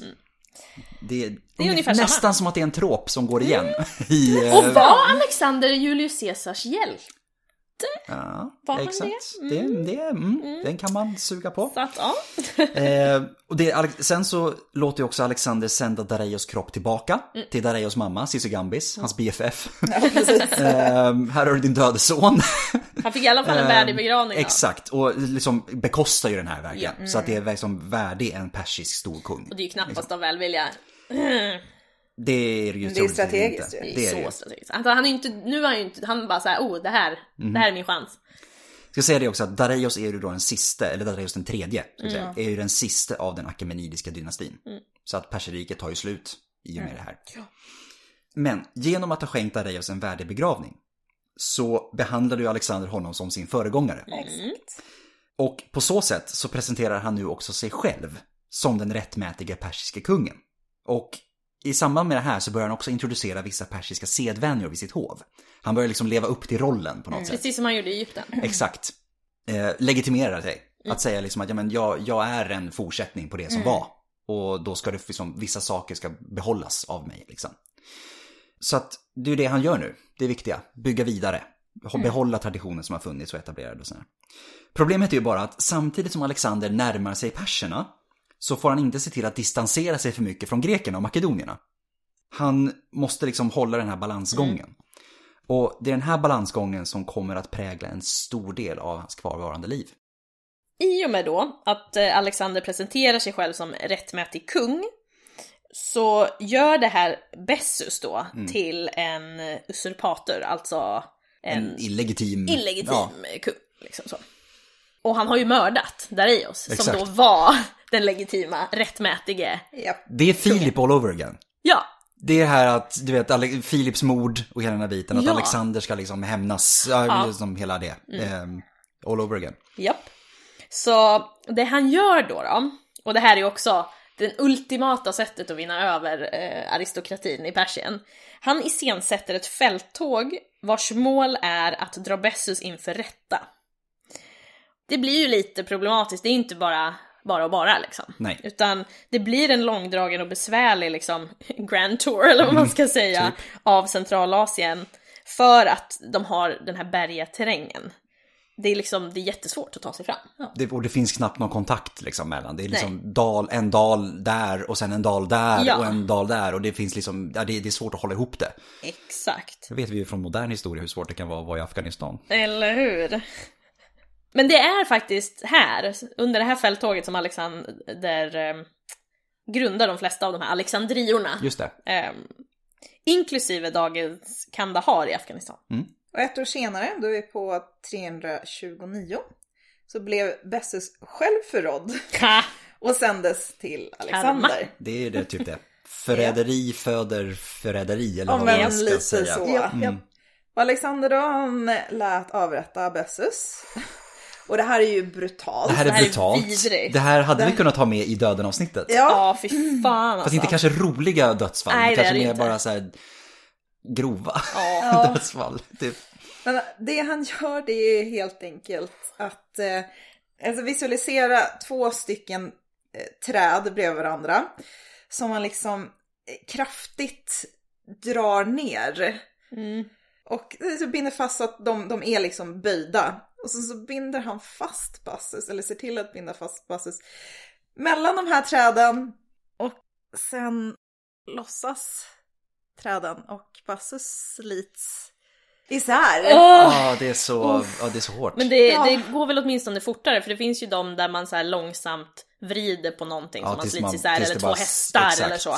Så att det här är väl då kanske ganska humant i jämförelse. Det går ju fort va? Ja, hopp, ja, man hoppas att han dör ganska den ögon, kraften ögonblickligen. måste ju slita ja, det, sönder ja, hela det är kroppen. klart. Han blir sliten Det beror tur. på alltså, Ja, Oh, the var, pain! var han blir av. Alltså om Ja, man precis, var han blir, fast, var han blir fastknuten någonstans? På längden eller på bredden? Alltså, Ja, tänker- det kommer ju, nej han kommer ju lida som För jag tänkte så här, han kommer ju typ så här dras isär i mitten men det, det troligaste är ju att armarna och Ja. benen slits av Det är så klart, att han är så- överlever. Ja, men såklart. Han har ju Ah! han har knutit fast ena trädet Aha. med händerna, Japp. andra trädet med fötterna. Jaha, du tänker så? tänker så. Jag tänker så här Du som tänker en, så med som en så här, vad heter som det? en blood eagle. Jag tänker Ja. lite som ni vet, eh, vad, heter han, den här mannen som eh, Da Vinci. Ja, det vitru, Ja, vitruvianska vit- vitru- mannen. Ja. Lite så. Ja, jag tänkte också så. Men, Men ja. då dör man ju inte. Då sliter du ju bara av Då sliter ju bara armarna. Ja, jag jag tänker att det måste varit alltså, händer och fötter. Men det är lite samma problem, för då ryker ju armar Ja, det är sant. och ben. Vi Fan, får, fan, experimentell arkeologi. När vi har, eh, Ja. Är det någon som söker ett doktorandämne inom experimentell Absolut. arkeologi? Är det någon som har ett griskadaver till övers typ? ja, precis. Ja, men, test, ja, men typ. Uff. Ja, Ja, men så, han dör i alla fall till slut. ja det ja. Sen hur? Förhoppningsvis. Förhoppningsvis Sliter isär dem sådär och låter dem ligga några dagar. Ja. Ja. Ja. Alexander, han bedrev ju inte detta fälttåget som en erövrande kung från Makedonien. Det, Nej, han, nej, det, nej. det var ju det han gjorde från början Ja, liksom. ja. Men nu har det ändrats. För nu är han ju Dareios rättmätiga efterträdare Mhm. i hans ögon. Japp. Så att nu, för att liksom ytterligare legitimera sin position, så börjar han ta till sig, som vi nämnde tidigare i för- förbifarten, vissa persiska sedvänjor. Mhm. Han började bära persiska kläder och smycken, alltså smycka ut sig. Ja. Sen, Och- sen då, förutom då att han försöker blidka då perserna, så är det så här, är det inte nice att ha snygga kläder Mm. Ja, och smycken? Det är menar, eh, det måste vi ju säga om greker och makedonier, alltså de har en helt annan syn på, de, de gillar ju inte kungar. Nej, exakt. De gör ju inte det. Det är det här, precis, österländsk dekadens som man ska, vad de, tycker- ska ha de, sagt. Och de har ju varit förtryckta då Ja, av kungar tidigare och exakt. så här. Så att där ska man ju vara mer praktisk. Mhm. Nu jävlar! Japp. nu bara köra. Och sen så, vad ska jag säga, ärver, inom citationstecken, han eh, officiellt också Dareios kungliga harem. Eh, av 365 fruar, en fru för varje natt om året. Eh, även om Alexander ska kategoriskt ha vägrat att ligga med dem. Han har ju feist ju. Exakt, han behöver ingen fru. Nej, Han har faktiskt inte gift sig än, ska vi säga. Nej. Han har inte formellt gift sig ännu. han är för upptagen. Det är en sak som han inte överträffar Filip i i alla fall. Det är giftermål. Det är så som är säkert. Men det, men det måste man ju ändå säga om Alexander, som, som vi har sagt hela tiden. Han gör ingenting som inte gynnar honom själv. Mm. Exakt. Och vad fan gynnar det honom att få en arvinge? Han skiter ju Ja. egentligen i det. Han bryr sig bara om sin egen Ja. glory. Och han har inte behövt något politiska äktenskap. Nej. För han har lyckats med allt han har Ja, gjort hittills. Han han, han struntar väl i, han bryr sig som tvärt emot många som vill så här, stärka sin liksom Alltså sin fortlevnad, så Mm. bryr sig han bara om sin egen. Mhm. Alltså sin egen del i historien och sin egen bild av hur han kommer framställas i historien. Exakt. Han skiter ju i framtida arvingar. Liksom. Ja, absolut. Det är Achilles igen. Ja. Achilles! och på så här, kungliga dokument så börjar han också använda både en makedonisk sigillring och en persisk motsvarighet. Så han liksom det här dubbelkungaskapet Mm. på något sätt börjar han liksom verkligen trycka på. Men perserna var inte så imponerade av det här. De, de tycker inte att Alexander har gått tillräckligt långt. You call yourself a king! Exakt. Så de tycker inte han beter sig tillräckligt mycket som en kung. Eh, samtidigt så tycker Makedonien tvärtom. Det är svårt alltså. Det är jätteknepigt. Eh, De tycker att han har gått för långt och han liksom har börjat överge sitt makedoniska arv. En sak som blev lite av droppen för makedonierna, det var att Alexander införde så kallad proskynesis vid sitt hov. Och proskynesis är ju då alltså att lägga sig platt på magen framför någon som har liksom väldigt mycket högre rang än dig själv. Eh, Så det är liksom som en extrem form av att buga, Ja. typ. Det här gillade perserna, för det var så här man skulle hälsa på en kung. Men makedonierna tyckte att det här var någonting man endast gjorde inför gudarna. Och ja, har Alexander gått för långt? Ställde de sig frågan. Och sen har vi Parmenion. Våran gamling. Parmen. Ja. Parme. Parme. The voice of reason. Ja, precis. The voice of reason som Alexander inte har. eh, och han har ju länge varit lite, vad ska man säga, att han har varit lite ett problem för Alexander. Han hade liksom den här kopplingen till Filip och ett väldigt gott rykte och därmed ses han som ett litet hot. Det är så ledsamt också för jag menar han har väl inte gjort något annat egentligen än att bara stötta Alexander.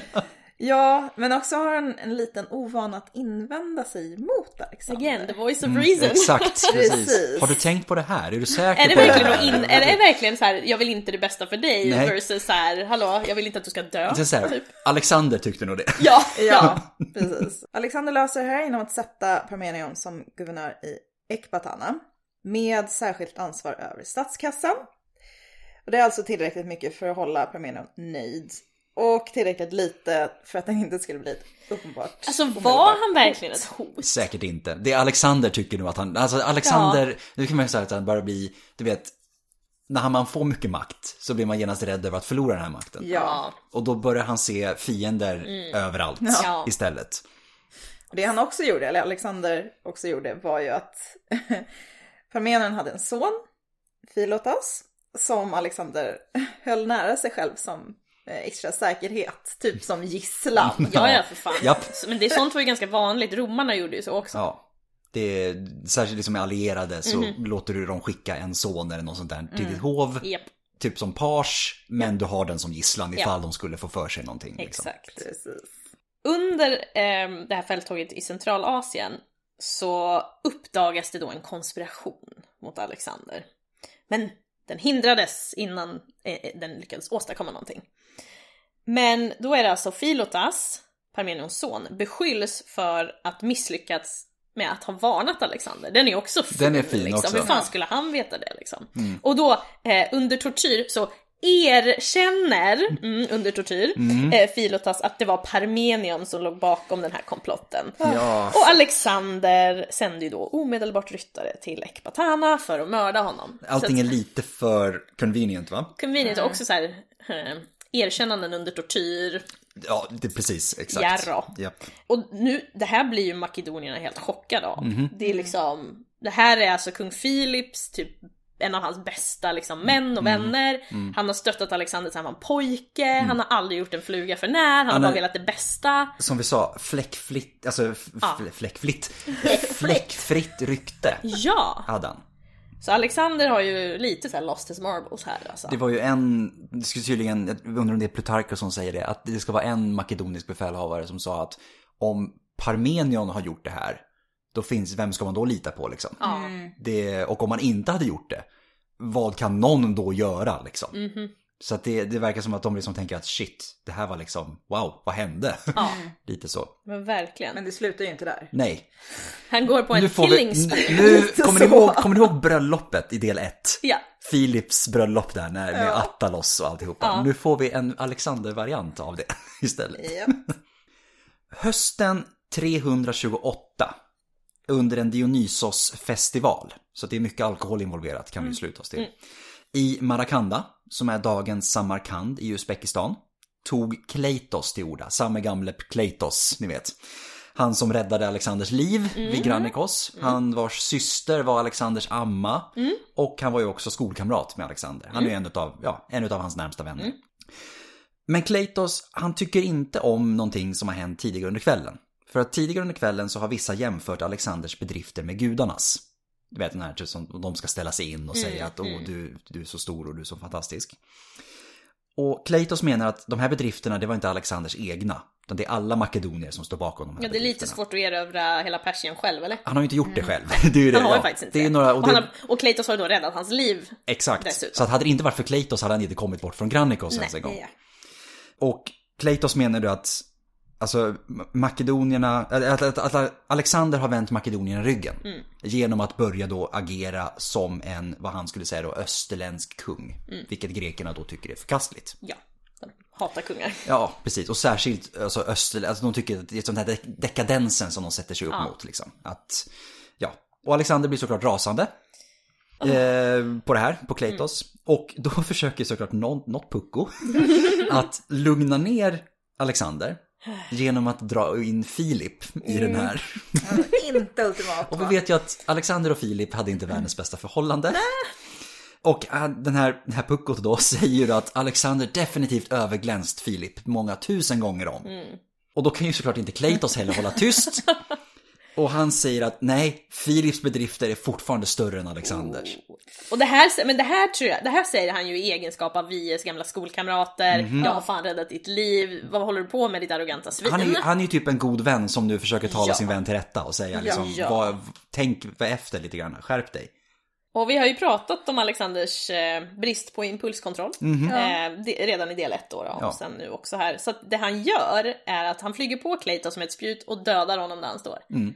En typ barndomsvän. Japp, bara Alltså, så. jag skulle inte vilja ha en sån här människa in charge, Nej. kan jag säga. Nej, nej. Han är liksom, är det här verkligen bra? Alltså folk bara, åh han är, han är så duktig och hit och dit. Så jag bara, är det här verkligen bra? Alltså, Nej, det är, inte, det är inte jättestarkt, jag säga så här, karaktärs... Du vet så här, när man sitter i rättegång och ska liksom ha så här karaktärsvittnen. Eh, som ska etablera, hur, som säger hur duktig och fin man är. Det är inte riktigt, det är inte riktigt mycket case för Alexander i det. Vi kan ju tillägga att nästan omedelbart så ångrar sig Alexander. Det är lätt att säga efter. Ja.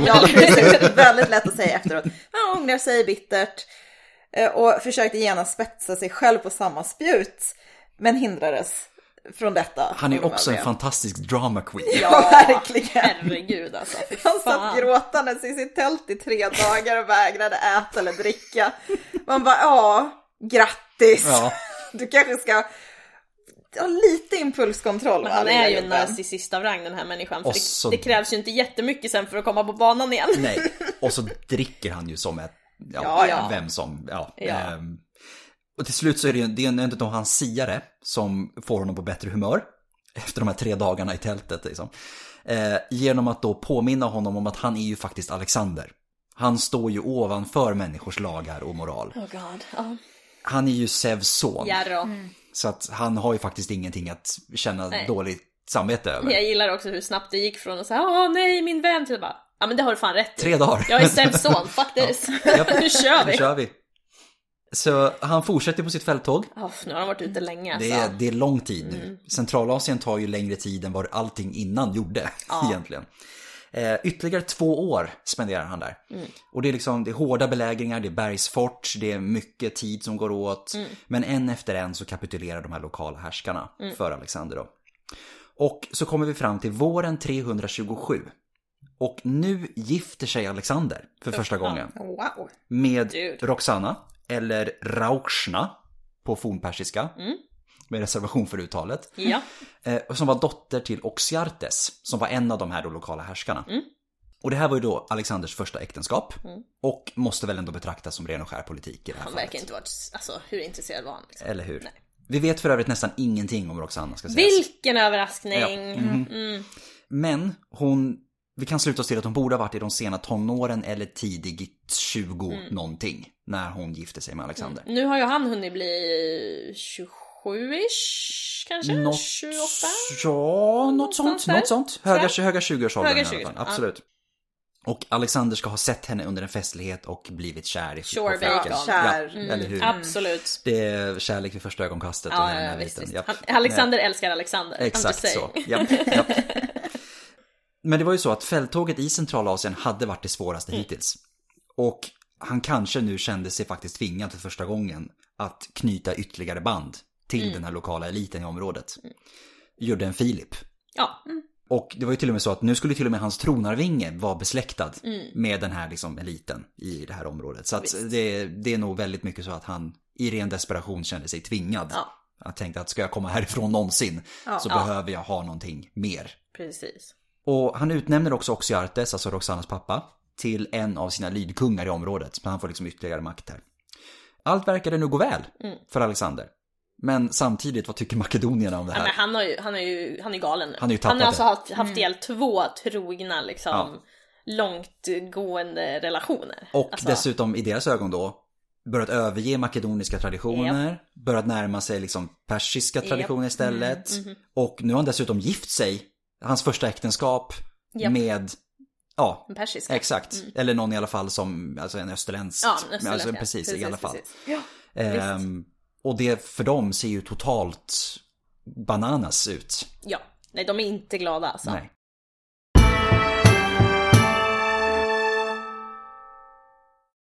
Men om vi då ska pausa öst Vi lämnar halv Alexan- sekund. vi lämnar vi lämnar Alexander Alexander, där så borta. åker vi hem till Makedonien. Han får åtnjuta sin bröllopsnatt i fred. Han så. får, göra, han får göra det. Och om, om vi kommer ihåg från del 1, när han drar så överlåter han styret åt Antipatros. Just det. Och Grekland håller sig faktiskt lugnt. Jag tror han, han, han skrämde dem nog där när han hade TB ja. han utrotade TB liksom. Så. Det är också lite roligt att när Grek- Grekland är lugnt när Alexander inte är där. Ja. det är så här, omvänt från De är bara Filip. så här, oh, thank Ja, God. precis, han är borta. Nu kan vi ta det lite lugnt. Vi vill inte att han kommer hem. Nej. Men det gick inte jättebra mellan Antipatros och Olympias, alltså Alexanders mamma. Och båda klagade på den andra i brev till Alexander. Så roligt. Men eh, generellt då så, så hade Grekland det faktiskt ganska bra under den här tiden. Det var liksom fred och välstånd. Och det, det var ju för att han skickade ju hem jävligt mycket pengar till Grekland. Och det stimulerade ekonomin, drev på handeln. Och i tillägg då till det, så i och med att han erövrar nya områden så öppnas ju också nya handelsrutter upp. Mhm, Så då det stimulerar ju ytterligare. exakt. Men Makedonien lider. Vilket är lite ironiskt. Mm. Hemlandet liksom. För Alexander kräver hela tiden förstärkningar och medborgare till de här nya städerna. Mhm. Till liksom, bara, jag vill bara bo här, kan jag bara få bo i Makedonien? Jag vill inte bo i Persien! Jag vill inte bo Alltså- i Alexandria nummer Ja, tre. nej. Eller fem. Eller sjutton. Och han suger ut Makedonien så pass att det faktiskt aldrig riktigt återhämtar sig. Nej. Alltså, Det- så jävla hemskt. Det är riktigt hårt. Han, Grekerna har det ja, bra och Makedonien bara... Japp. Han, han betalar allt. Ja. Men så, swoosh, tillbaka till Alexander. Yes. För att ytterligare stärka banden till de här nya lydkungarna i Centralasien så vänder Alexander våren 327 blicken mot Indien. Eller ja, tekniskt sett dagens Pakistan är det ju. Ehm, och det är ju såklart, ingenting förenar som en gemensam fiende. Riktar all uppmärksamheten utåt och tänker Ja att nu går vi hitåt istället. Och det var här borta, här borta i Indien då, som grekerna trodde att världen tog slut. Yes. Och Alexander var övertygad om att om en månad så kommer han stå vid världens ände och titta ut över den här världsomgärdande oceanen Ja. som omgav alltihopa då. Och här skulle han, hans fälttåg ta slut. Mm. Här skulle, här sätter han stopp, hade han bestämt. Och härifrån skulle han segla hem. Mm. I triumf. Yes. Eh, på väg genom bergspassen i sydöstra Afghanistan så sänder han bud till de här lokala indiska härskarna som han är på väg till. Och säger att ni ska komma och svära mig lyd, lydnad och trohet. Älskar hur de bara, vad är det här för jävla nisse liksom? Vem är det? Eh, vissa gick med på det. Och vissa gjorde det inte. Uh. Ja. Så har vi sensommaren och vintern 327 och 326, precis det skiftet. Så är Alexander fullt upptagen med fälttåg i norra Indien. Då. Flera städer belägras. Alla möts av precis samma öde som Thebe, Tyros och Gaza. Tusentals mördas, säljs i slaveri. Och våren 326 så går Alexander in i kung Porus rike.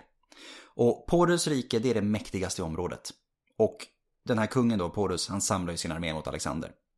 Och nu är det dags för ett slag igen. Det var länge sedan vi hade ett stort slag nu. Det var Ja. Gaugamela var senast. Ja, han har liksom glidit Mm. ganska... Väldigt mycket mindre saker. Så Ja. Nu blir det ett stort, en stor grej igen. Ehm, och det är då i juni 326 vid Hydaspesfloden. Och trots att det här blev en av Alexanders största triumfer så var det också en av hans allra svåraste strider. Och underlättades inte av att Porus armé bestod av en helt enorm mängd stridselefanter. Och det var ju liksom ett psykologiskt vapen som makedonierna Men inte fatta och hade se det, bara vad fan är det Vad ska du göra för någonting? Men en Men elefant du kommer springande elefant och bara- Vad ska jag göra mot den där saken liksom? Ja. Dessutom om du ser 150 av dem komma Ja. springande mot dig, Ja, tänker bara okej. Har vad du gör jag sett en nu? elefant i hela ditt liv? Ja men precis. Jag bara, ah, stå still! Bara, Nej du, jag tänker springa härifrån. Hej då. Ja. Men det var ju också så att Alexanders ursprungliga armé hade ju börjat falla Som isär. sagt, det har gått många år nu. De där första 40-50 tusen som korsade Hellesponten, många har ju dött. Mm. Och många har liksom blivit till åldern och blivit pensionerade. Mm, Och i och med att han grundar nya städer hela tiden så behöver han ju också invånare till dem. Och då blir det liksom som militärkolonier. De får flytta in där Mm. ehm, och sådär. Och sen har vi också hans veteraner som vägrar slåss mot elefanter igen. Well! Ehm, Jag förstår det. Ja. jag klandrar dem inte heller. Och sen så runt omkring nu så dör ju också Bukefalos. Ja, Hans lilla häst. Ja, antingen av eh, ålder, eh, han bara varit runt 30 vid det här laget, eller av skador som han har ådragit sig i den här striden då. Fan mirakel att han har överlevt så här långt. Ja men ja. Alltså- han har sett ut som ridit. Alexander har inte gjort det lätt för honom att överleva heller. Det- Och sen så lät han ju grunda en stad i hans ära, Mm. Bukefala, vid Hydaspes. Ja, det är ändå lite fint. Mm. Ja. Ja, han har ju, det, men det är lite som, eh, okej, ni vet så här. Ja, Hitler, men han var snäll mot sina schäfrar. Exakt, precis. Han var vegetarian, typ. Man bara, ja. Ja Han förbjöd rävjakt också. Ja, Ja, ja. precis, exakt. absolut. Härlig människa. Mm. Japp. Han grundade en stad till sin häst. Ja, Ja, mysigt. ja, ja, han Ja, slaktades vi igenom, behöver inte berätta att han brände staden som stod där innan han byggde upp en ny. Sålde folk i slaveri, slaktade, bla bla, Ja, ja, ja. bla. Men han grundade en stad. Ja, Ja, och döpte den efter sin häst. ja mysigt. Åh. Sen tvingar han ju armén framåt än en gång. Juli 326, kort efter striden vid Hydaspes där. Men istället för havet så kom de bara till ännu en flod. Och den här floden var ju då Hyfasis, eller det som idag heter Beas. Bortom Hyfasis så sades det att det skulle ligga ytterligare kungadömen. Som alla ryktades vara starkare än Poris rike. Fan, alltså nu har de ändå haft det svåraste slaget hittills. Och så tänker man att det blir bara svårare nu. Nej, fy fan. Nu, nej, nu har de fått nog. Armén har fått Mm. nog. Alltså de bara, nej. Nope. Nu, nu är det liksom... Vid Hyfasis så vägrar de ta ett enda steg till öster. De, Mm. de nej, nu är jag färdig. Ja. Nu, nu åker jag hem. alltså, jag menar, hur länge har de varit ute? Ja, alltså, Typ har, de, har de varit med från början så har de ju Ja. varit ute sedan 334 där. Och nu är vi inne i 326. Ja, det är sex, sju, Åtta. åtta år. Ja. Alltså fy fan. Nej, så de, de har tröttnat på det här. Det är fälttåg, vi vill hem. Ja. Och de är långt hemifrån De har ju inte träffat sina familjer Det är inte som att de har varit ute i åtta år i mindre Asien. Nej, nej, nej, nej. Och dessutom så har ju många av de här veteranerna fått det ganska gott ställt genom allt det här krigsbytet och de vill ju faktiskt kunna njuta av det och Ja. inte bara jag fick en jäkla massa rikedomar sen dog jag. Liksom. Så att ehm, nej, vi vill spendera våra hårt, liksom hard earned money här. Mhm. Eh, Alexander försöker ju då övertala dem att fortsätta. Men det här kanske är första gången han inte lyckas med Ja. det han vill. Japp. Han är så rolig. Han går tillbaka till sitt tält och sätter sig och tjurar i tre dagar. Så jävla tönt! Alltså. Se det här drama queen Alexander igen som är i Ja, farten. jag fick inte som jag ville. Ja, då sätter han så och tjurar. Och, och, sen, och sen låter han dessutom sina siare så här studera om, eh, omen för då, ska vi fortsätta eller inte? Men till och med de siarna bara nej. Alla, nej, alla omen är dåliga, det är Ja. liksom inte värt det. Och han ger faktiskt upp. Ja, Och säger att, säger då till armén, ja fine, vi går väl hem då för helvete. Mm, liksom. Soldaterna jublar, Alexander är inte glad, Mm. det är liksom, nu är det slut. japp. Nu har vi nått slutet. Och det här var så långt han kom. Det var så långt han kom. Och de antika författarna påpekar gärna ironin i att de enda som någonsin besegrar Alexander var ju hans egna soldater. Den är fin för Ja, det är det. Den är Ja, riktigt poetisk. Det är det. Men det var ju inte, det var inte bara som att, ja ah, men nu går vi hem, utan det är ju en lång... Det är som att han, Lång han tänkte resa. straffa dem typ för att de har varit trotsiga Ja, mot honom. Fan. Ta den svåraste vägen hem som går. Japp, för han valde att följa Indus till havet. Uff. Mm.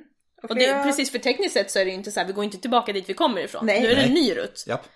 Så han tänker fortfarande krama ur så mycket som möjligt av det. Absolut, och de får ju uthärda flera hårda strider Ja. längs med vägen. Vilket För svin. de går igenom flera riken Ja. på vägen. Och Alexander återdrog sig flera skador. Ja. som han gör. Mhm. Eh, och tanken var då att på havet färdas tillbaka till Mesopotamien via den persiska viken. Men Alexander hade inte tillräckligt med skepp för att transportera hela sin armé. Fan. Så en stor del av armén fick därför ta landsvägen genom den södra persiska öknen där tiotusentals av hans soldater skulle dyka Fy under. fan vilket jävla rövhål han är. Det är riktigt svårt att tycka om honom. Det är riktigt svårt att tycka om Ja. honom. Eh, Istället för att bara, vi går tillbaka. Ja, samma väg som Och vi så kom. bara, "Nej, men jag seglar, bye! Ja. Ja, Fast han följde faktiskt med dem i öknen tror jag. Han gjorde det? Jag tror att han faktiskt hade den goda smaken att leda Ja dem okej, åtminstone. Ja. Men jag tvivlar på att de fick sitta i hans tält. Det gjorde de säkert inte. Eh, Men så i februari 324, så mer än ett år efter att armén satte stopp, Fan. så kommer de tillbaka till Susa. Och endast en bråkdel av de som jublat över att få återvända hem fan. kom tillbaka till Alltså Susa. stackars! Snacka om att bara, jag gör som ni vill men jag tänker ha ihjäl er på vägen Ja. liksom. Och nu, Så är vi framme 324, ja, som är ett ganska speciellt år. För ja. att, spoiler alert, det är det sista året. Nu, ja precis, nu är de ju back. Mhm. Kind of. De har i alla fall vänt om och kommit tillbaka. Men, och då, från det att han började jaga Dareios har det gått sex år. Och han, alltså Dareios fälttåg i Centralasien, Indien. Och sen har vi ju då utsett lydkungar på vägen och liksom de måste ju ta hand om det här medans han är borta. De, I mean, han, han kom, han drog. De bara yes och lever rövare som fan. Alltså förskingrar pengar, skaffar egna små arméer. Ja, de beter sig som kungar liksom själva. Det hade väl en annan gjort också tänker jag. Ja. Eh, Alexander gör processen kort, eh, avrättar dem. För att statuera ett exempel. Hmm. Eh, nu är kungen tillbaka och ordningen ska återställas. Japp. Liksom. Och eh, för att ytterligare spä på liksom missnöjet bland makedonierna så börjar han att persifiera sin armé. Det här myteriet vid Hyfasis, det visar ju då att, att hans beroende av makedonier var sårbart. Mm. Så att istället då så rekryterar han flera persiska befälhavare och kompanjoner. Kompanier. Kompanier. Kompanjoner. Vill du ta om Nej, det. Kompanier. Ja. Slash kompanjoner. Ja, de blir väl kompanjoner, I guess. Alexander samlade sedan sina veteraner vid Opis precis utanför Babylon och lät meddela att alla de skulle sändas hem med stora bonusar och som tack för sin tjänstgöring. Tack för att ni varit med mig i åtta år. Bye! Men det här mottogs inte helt rätt kan man ju säga av veteranerna. Det sågs mer som en, en skym för ett svek eh, och att de blir ersatta av perser. Eh, det var ju ännu värre. Och vi vet ju vad Makedonien tycker om Ja, men precis. Och då vägrar de ju ta emot den här gesten. Och Alexander gömde sig rasande ännu en gång i sitt tält i tre dagar. Vad är det här med tre dagar? Det, det, är liksom, det, finns en, det, finns, det, finns en, det finns en tråd här. Ja. Ja, efter tre dagar så kommer han ut och han bara, nej, det här tycker jag inte var så himla kul. Så han skäller ut veteranen ett brandtal. Han, han sa liksom att, att ni inte skäms över att behandla mig på det här sättet. Hur mycket har jag inte gjort för er? Du menar lett oss på liksom fälttåg under åtta år och genom fucking öknen Försök men... döda eh, oss i öknen. Jarra! Cool, cool, cool. Och för att ge igen så började Alexander sedan systematiskt byta ut hela sin armé mot en persisk sådan. Han är, han är fantastisk. Han är helt, han är helt fantastisk. Alltså, Hur petty är inte det här? Alltså ja! Men det verkade ju funka. Jävla då- småsinta svin Då, liksom. då veteranerna bara, åh nej, Mm. vad är det som händer? Då, de, de bara bönar och ber om att Alexander ska förlåta dem. Och Alexander, storsint som han är, förlåter dem. Ja, Till Det är slut så skickades de hem. det är en fantastiskt rolig episod. Ja, Ja. verkligen. Så att det blir det att veteranerna då, de är omkring 10 000 Mm. som alltså varit med från början. De skickas då till slut hem med en hel talent var i bonus. Utöver det de redan har Mm. Ja, tillskansat ja, sig. mm, som sagt. absolut. Och det är alltså omkring 20 miljoner kronor om det var guld. 230 000 om det var silver. Exakt. Och Men hallå, med tanke på hur mycket pengar han har. det är guld, Ja, det är garanterat att att det är guld. Ja. Ehm, och det var liksom tillräckligt, de skulle kunna köpa en stor gård, köpa flera slavar och sen leva gott resten av livet. Mm. Inte behöva lyfta ett finger. Nej. Och därefter så gjorde Alexander fortfarande det han hade tänkt göra. Han, han värvar ersättare bland perserna. Ja. Eh, till de här veteranerna då.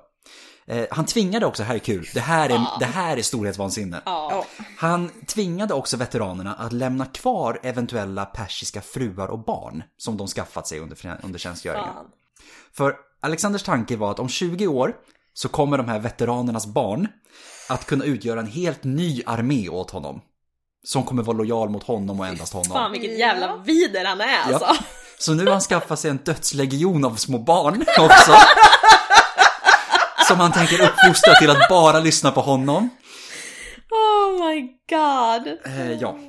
Och i tillägg till det Mm. Så anordnar han också massbröllop mellan sina befälhavare och döttrar till persiska aristokrater för att ytterligare knyta band mellan eh, eliterna. Liksom. Mhm. Nu går han, slår han på stort. Och han gifter sig själv också. Ja. under den här tiden, en till gång. Och den här gången är det ju den tidigare nämnda dottern till Dareios, Stateira. Ehm, och Hephaistion gifte sig med den andra dottern, Drypetis. Fy fan. Så de delar på allt, Alexander och ja, Hephaistion. ja och sen har vi de olympiska spelen, ägde rum 324. Mm. Och där lät Alexander nu förkunna att grekerna ska dyrka honom som en gud. Nu har han, Nu är det, offic- full nu on. han, han ja. har kommit ut Nu behöver han inte ens låtsas liksom. Nej, det är exakt. Eh, och det här var egentligen helt fullständigt otänkbart i den grekiska världen. Mm. Att en levande man ska dyrkas som gud. Men grekerna accepterade det helt utan motstånd. De minns fortfarande TB, Ja, skulle jag säga. säkert. Mm. Antingen som sagt helt nedslagna, tänkte bara okej, Ja. bara ja visst. Ja men jag tror också att de har ju levt gott nu. exakt. Så de bara, vill vi liksom Det- riskera detta? Spartanerna är ju kända för att ha så här korta, koncisa kommentarer på precis allt Ja. som händer. Och det var någon spartan som ska ha sagt att ja, vill Alexander vara en gud så låt honom vara en gud. Fantastiskt. Ja. Eh, det kan också tänka sig vara så att Alexanders bedrifter faktiskt gjort att man inte längre var så främmande för tanken. Han har ju faktiskt gjort det ingen, han har alltså erövrat hu, alltså hela Persien. Mm. Ja. Plus lite till liksom. Ja, och det gjorde han så, på ett par år bara. Mhm. Ja. Så att det, man kan tänka sig att för vissa, vissa kanske började ställa sig frågan. Mm. Tänkte att ja, det kanske inte är helt otänkbart Nej. egentligen. Visst. Men han vill ju inte stanna där. Nej! Nej, för Alexander börjar göra upp nya planer för framtida erövringar. Så då skrev han en lista med... Han bara, Önskelista. "Okej, ja, det här vill jag ha. Det Ja. här önskar jag mig i julklapp. Han ville ha Italien, Spanien, Sicilien och Kartago. Det skulle falla. Ja. Ja, han ville lägga det här under sig. Eh, 700 skepp skulle byggas på Eufrat för att sedan utforska Indien och segla runt Afrika. 700 skepp för övrigt. När han Ja. seglade, alltså och skulle börja alltihopa, hade han 100 skepp tror jag. Det Det, är ja. ja. 700, det är Ja, en så- liten summa. precis. Absolut. Eh, en flotta skulle byggas på Kaspiska havet och sedan anfalla skyterna. Men först av allt skulle de arabiska handelsrikena i söder erövras. Och de satte igång med förberedelser för Jag blir så detta. matt av att höra på det här alltså. Ja, Men också hur länge tror människan att han kommer leva? Ja, ja, ja, det är en jättebra fråga. Å andra sidan, han är ju nu inte gammal. Nej, Du måste också komma ihåg att han har ju knappt fyllt 30. Han är, jo men han är han ju 30, strax över 30. ja, men å andra sidan, hur mycket, hur mycket skador har han inte? Jo herregud, men, Men han, jag han tänker- tänker väl att han är I och för sig, odödlig. pappan, jag tänker det också. farsan levde ju ett tag i och för sig. jag tänker det också att Ja. om alla andra så här, accepterar att han är gud, han kanske tror det själv. Han kanske faktiskt börjar tro det. Tror det. Ja. Alltså även om det började som i hans fall typ någon form av propaganda, att han Mm. tänkte liksom framställa sig som det. Det är inte helt omöjligt att han själv började faktiskt tro på det. Nej. Nej. det är faktiskt sant. Men en tragedi skulle komma emellan. I oktober 324 så drabbas Hephaiston av plötslig feber och eh, på bara en dryg vecka så har han dött. Mm. Och det, alltså det här är ju Alexanders enda sanna vän slash älskare slash, alltså hans, om han älskade någon annan än sig själv så var det Hephaistion. Ja, det är absolut. Och han är ju helt förkrossad liksom. Eh, Arianos beskriver hur Alexander då i chock och tårar ska ha slängt sig över Hephaistions kropp och vägrat släppa taget under en hel dag. Liksom. Han ska bara legat där på. Och till slut ska hans vänner då med alla sina krafter ha fått släpa bort honom.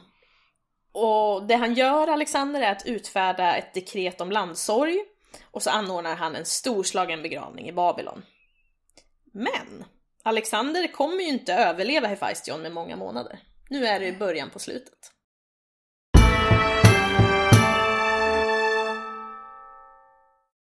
Antingen den 10 eller den 11 juni 323 dog Alexander i Babylon. 32 år gammal. Mm. Och det finns två olika versioner av hans död. Plutarkos berättar att ungefär två veckor innan sin död så höll Alexander ett symposium. Efter vilket han utvecklade en feber som sen bara blev värre och värre. Tills han inte längre kunde tala och dog. Ja. Det lät som att han, inte, att han dog för att han inte kunde prata, men det var på grund av, det var som Febern. led i febern, ja. Eh, Deodoros beskriver hur Alexander drabbades av svåra smärtor efter att ha sänkt en stor skål med oblandat vin. Eh, det är ju typ som att dricka vinäger, skulle man ju kunna säga. Mm, det var inte Eh, jättegott. Nej. Och Och sen, så ansågs det vara barbariskt att göra Exakt. det också. Du skulle blanda ut vinet. Exakt.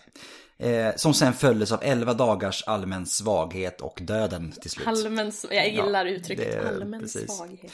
Plutarkos nämner Deodoros påstående. Deodoros är ju tidigare än Plutarkos. Eh, Men Plutarkos säger att nej, det är fel. Det stämmer inte. Det är min, min version som är den rätta. Redan från början fanns ju såklart mängder med teorier om att kungen blivit förgiftad. Plutarkos förnekar också detta. Men, och Deodoros han nämner det mest bara för att, för att ha nämnt det. Liksom. Men de flesta antika teorier är överens om att peka ut Antipatros. Interesting. Det- ja.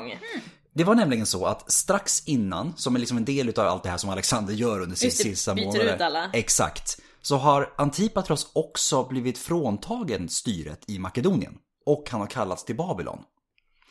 Och det är inte helt omöjligt att, att Antipatros såg det här som en dödsdom. Med tanke på vad som har hänt Parmenion. Mhm. Och att han också var typ allmänt osams med Olympias hela tiden. Mhm. Och tänkte att oj shit, nu är det slut här. Mest troligt var egentligen bara att Alexander ville belöna honom. För trogen tjänst. Och tänkte ersätta honom med någon yngre person. Till exempel, eller någon av de veteraner som nu var på väg Mm. Ja, hem igen. visst. Till exempel. Eh, vi har också det att Antipatros son, Jollas, var Alexanders vinupphällare. Och kan då alltså ha förgiftat det där oblandade vinet som Alexander ska ha sänkt. Det starkaste argumentet mot den här teorin är att det gick en så pass lång period från drickandet till döden. Och att det inte var vanligt med så långsamt verkande gifter i den antika världen. Däremot så finns det ett alternativ och det är vit nysrot. Eh, veratrum album på latin. Som faktiskt ibland också ordas som trädgårdsväxt i Sverige. Härligt. Ja. Nice. Då vet vi, Eh, hon ska för- förgifta honom. Den här växten då, dess gift verkar långsamt. Och det var också känt för grekerna som ett långsamt verkande gift. Så att om Alexander faktiskt blev förgiftad så verkar det som att vit nysrot kan framhållas som den här starkaste kandidaten. Då, Men till. fanns den att tillgå i Babylon? Det är det som är frågan. Det kan det vara någon som skickat efter den Ja, också. Antipatros skickade efter den. Eller skick- Men då är ja, också så- frågan, verkar den lika mycket om den typ är torkad eller Det är ver- hel- den hel? Ja, såklart. Du, du vill veta det här. Konspirationsteorierna, nej. Du får odla, du får odla vit nysrot och testa. Testa, ja. Mm. Sen har också föreslagits flera sjukdomar Mm. genom åren. Eh, malaria har föreslagits, tyfoidfeber har föreslagits. Tyfoidfeber hade vi med i pesten i Aten Ja. också. Någonting som talar för en naturlig död, det är att Alexander nog inte var vid bästa hälsan vid den här tiden. Eh, han har haft flera år bakom sig av ganska tungt drickande. Och av må- många, många svåra skador bakom sig också. Och sen så har också det att Hephaistions död var ju ganska nära och i och med att han tog den så hårt så var han nog inte liksom heller mådde så psykiskt bra av Nej. det. Vilket då troligtvis inte underlättade så Nej, mycket. men verkligen. Jag funderar lite på så här, kanske kunde det ha varit cancer typ eller någonting? Mm, Sånt kan ju gå fort. Det kan det, absolut. Och som sagt, om man dricker mycket i många år så är det inte jättebra för... Nej, levern har nog tagit liksom. ganska mycket stryk. Men efter döden så lades Alexanders kropp i en gyllene sarkofag. Och den lades sen i en kista, större kista. Men medan den här begravningsprocessionen då rör sig från Babylon, troligtvis på väg hem till Makedonien, så snor Ptolemaios åt sig kistan Ja och tar med sig den till Egypten. Och det är här som Alexander till slut skulle komma att få vila i en storslagen grav i sitt andra Alexandria, blir det ju. Och som vi sa innan det här att han, han tog ju väldigt lång tid på sig att gifta sig överhuvudtaget, Alexander. Vilket innebär att han inte hade en omedelbar efterträdare vid den här tiden. Han får en son med Roxanna, Alexander den fjärde, men han föds ju först efter att Alexander har dött. Och enligt Diodoros så ska Alexanders vänner ha frågat då honom på dödsbädden åt vem riket skulle skänkas. Och då ska han kort ha svarat Toi eh, kratistoi, till den starkaste. Toj, grattis toj, sa han säkert. Ehm, och sen som du ser, ser framför sig liksom bara handen faller ner och Ja, han liksom ja. lutar sig tillbaka. Och liksom, vad sa han för någonting, vad sa han för någonting? En teori är att vännerna, antingen av misstag eller med flit, har feltolkat Toy Kratteroj. Alltså till Kratteros.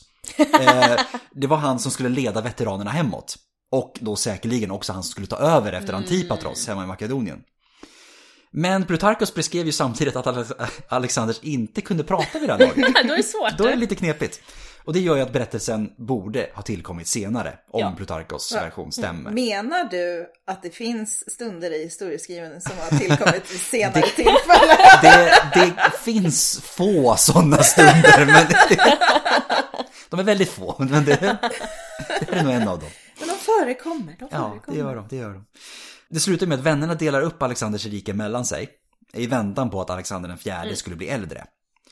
Men det tog inte lång tid innan det började knaka. I, liksom, ja. eh, landområdena blev istället till maktbaser från vän, alltså för att vännerna skulle söka egen makt Japp. från. Väl klart. vilket gör att Alexanders rike till slut kollapsar ner i ett 40 år långt inbördeskrig Härligt. mellan de så kallade diadokerna, alltså efterträdarna. Ja. Och efter de här 40 åren så kommer det hellenistiska, som vi nu är inne i, den hellenistiska perioden är vi inne i nu, den börjar ju i och med att Alexander dör. Det bestämde man ju inte då såklart. Det var ju inte det att de sa det, okej nu är vi inne i den hellenistiska Nej, perioden hörni, nu. Så kommer den att ordnas i fyra maktcentra. Det är då det ptolemeiska Egypten, Mm. Vilket om man vill lyssna lite mer eh, på Just det. Ptolemeiska Egypten kan man lyssna på Arsino i den andra avsnittet. Ja. och minisnittet om Ptolemeernas gudavärld. True that. Eh, sen har vi det selevkidiska Mesopotamien och Centralasien. Eh, då är Sel- just det, vi ska säga det att Ptolemeiska Egypten, det är ju Ptol- Ptolemaios, Ja. såklart. Sen har vi Selevkos i. Se- det selevkidiska riket. Eh, och sen har vi det atalidiska mindre Asien, och det är ju då Pergamon egentligen, som utgör det maktcentret där. Och så har vi Antigonos och Demetrios och hans, alla de här, i Makedonien. Och det är då det antigonidiska eh, riket. Så vi kan ju konstatera det att Alexanders rike hade blivit för stort för att någon annan än honom själv skulle kunna hålla ihop det. Ja. Ja, Det var Alexander. det var Alexander, men han lämnar ju efter sig en hel del. Hans liv fortsätter ju efter döden på ett helt annat sätt än Ja. många andra gör. Ja men verkligen. Han drog ju fram där eh, genom Mellanöstern som en fruktansvärd mardröm egentligen. Mm. Eh, lämnar spår av ödeläggelse efter sig från Thebe till Indusdalen. Hundratusentals, kanske miljontals, mister livet i strider, belägringar och plundringar. Och sen lägger vi till de här andra katastroferna som följer med krig, du vet, instabilitet, svält, sjukdom och så då pushar vi upp siffran och mångdubblar den liksom. Ja. Alexander kom, förstörde och försvann. Ja, inte riktigt då kom, såg och segrade, Nej. kanske. Mm. Eller för honom själv ja, men inte ja för exakt. alla andra. Och för perserna under senantiken så var han faktiskt känd som Gudjastak, den förbannade. Mm. Det är inte ett awesome rykte att ha kanske. Nej, det är ju inte det. Men när han levde, sam- alltså under sin samtid, så var han ju mer än bara en förgörare. Och kanske då specifikt för makedonierna och grekerna också. Ja. Var han lite annat. Exakt. Ja, år 340 så var ju den egeiska, det Egeiska havet centrum i den grekiska världen. År 320, alltså 20 år senare, var den i periferin och de grekiska stadsstaterna var fullständigt oviktiga. Mm. Den grekiska världens nya centrum låg från det östra medelhavsområdet och österut. Med diadokernas kungadömen som de nya maktspelarna. Mm. Och mellan 330 och 250 före vår tideräkning så emigrerade tiotusentals greker österut för att söka lyckan. Alltså något som också aktivt hade uppmuntrats av Alexander. Uppmuntrats, beordrats, Det, you know. man kan säga det på olika sätt Ja, som sagt. Ja. precis. I hans nya rike då skulle väst och öst smälta samman till ett. Och den hellenistiska perioden Eh, som, de visste ju inte att de var inne i den hellenistiska perioden. Men det, det är Vi har bestämt att de är det. Men i alla fall den hellenistiska perioden, det skulle bli den verkliga grekiska guldåldern. Och det, då snackar vi ökad levnadsstandard, växande befolkning och blomstrande vetenskap. Det är ju väldigt ironiskt att om vi tänker på idag Mm. så är hellenismen någon typ av så här, alltså parentes. Mm. Ja, Mm. verkligen. Och, Det är det. och att man liksom så hårt går mot den här Klassiska, klassiska perioden. grekiska Ja. perioden. Att, att, Atens, Atens demokrati Ja. och ja. alltså det är ju helt galet. Mm. Och det, om man tänker då på Akropolisklippan har man ju, förutom då att man, man grävde bort alltså det turkiska Mm. och allting sånt, Ja, ja. så grävde man ju bort det hellenistiska också. Man bara rensade ju hela klippan. Mhm. ja, men de var ju ute efter det klassiska. Ja, och det är ju så jäkla konstigt Ja. eftersom att guldåldern är hellenismen. Ja. Är det, ja, det, är bara, det är bara sjukt. Det är bara galet tycker Mm. jag. Anyway. Rant over. Som vi sa förut då, så grundar ju Alexander ett 20-tal Alexandrior under sitt liv. Mm. Eh, och majoriteten av de här är öster om Eufrat. Mm. Och den andra, i Egypten, det blev ju som vi sa, Medelhavets främst, ett av frä, eh, Medelhavets främsta kulturella center. Mm. Och ganska, alltså in, in i senantiken och kristendomen också. Ja, ja, absolut. Och det är fortfarande en miljonstad. Ja, Ja, ja. visst. Och det var ju också det att Alexanders bedrifter gjorde ju att han verkade övermänsklig för sin samtid. Liksom. Eh, För första gången på väldigt länge så började grekerna på allvar ställa sig frågan ifall det faktiskt var möjligt att en levande man kunde vara son till en gud. Berättelserna liksom om Alexanders mirakulösa förmågor, de liksom ökade och ökade. Ja Han blev en mytologisk karaktär. Ja, visst, visst. Och omkring 500 år senare, Mm. då är vi liksom långt inne i romersk tid liksom, så har han blivit en riktig superhjälte i den så kallade Alexander-romanen. Vilket är liksom en samling utav berättelser runt alla, Ja, om Alexander liksom. Ja, den är jätterolig. Han, han flyger ju den och har sig. Så det, han, är, han är riktig, han är, han är riktig, han är Superman i den. Liksom. Amazing. Ja. Eh, Den här romanen den återberättades på flera språk och skulle komma att få en bred spridning under medeltiden. Alltså både i Europa och i den arabiska världen. Eh, Så det här blir liksom bilden av Alexander. Ja. Alexander-romanen. Påverkade nog mer än någonting annat, troligtvis, bilden av Alexander som den här övermänskliga hjälten. Och bidrog också till en väldigt positiv syn på Ja. Alexander. Visst. För att den har ju sin ursprung i en värld som tyckte att Alexander var bra. Ja. Ja, absolut. Den kom ju inte från den här senantika Persien där man kallade honom den förskräckliga. Nej. Så det kommer ju från fel sida av perspektivet Ja, om man säger visst. så. Och det gör ju att sen när Persien hamnar under arabiskt styre, i och med att araberna är starkt influerade också av de här grekiska, grekiska skrifterna liksom, Mm. så blir han istället för den förbannade till en vis och from filosof. som Oh också besökt Mecka, gjort pilgrimsfärd. ehm, och regerat som en legitim persisk kung. Ja, Det wow. finns till och med de som eh, Wow. menar att det finns också en diskussion om att Alexander faktiskt nämns i Koranen. What? Eh, Wow. så, ja. Okej. eh, Spännande. och så har vi såklart Europa där det fortsätter också. Ja, ja, Eh, blir positiv. Han blir som förebilden, han blir som en, en riddare på något sätt. Ja. Liksom, hela den här.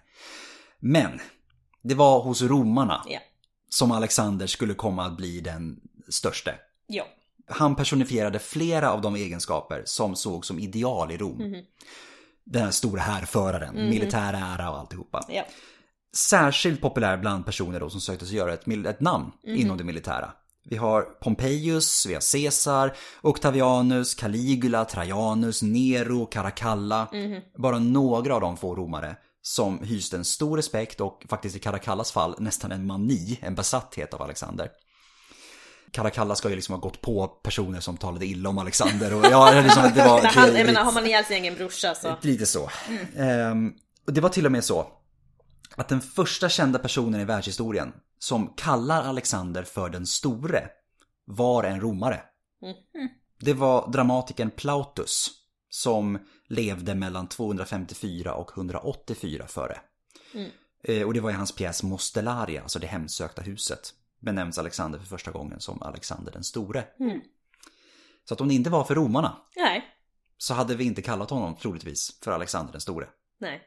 För det vi har inga bevis om att grekerna gjorde det innan. Det är romarna som började med det först. Them Romans. Mhm. Mm. Och det har ju då att Alexander hade ju liksom, hans hela väsen upptogs ju av att, precis som Achilles och Herakles, hans förebilder och hjältar, att han skulle få sitt namn ihågkommet för alltid. Mm. Och han lyckades bli den superhjälte som han mer än allt önskade att bli. Mm. Och det kostade honom allt.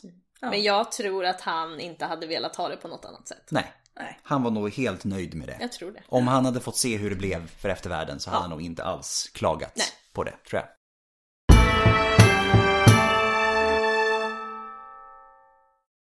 Det var Alexander, Det var det. kallade den store av romarna. Ja. Alexander den tredje av Makedonien. Och Alexander det största svinet av... Nej. Exakt, Alexander, Alexander den förbannade. Ja, Ehm, exakt.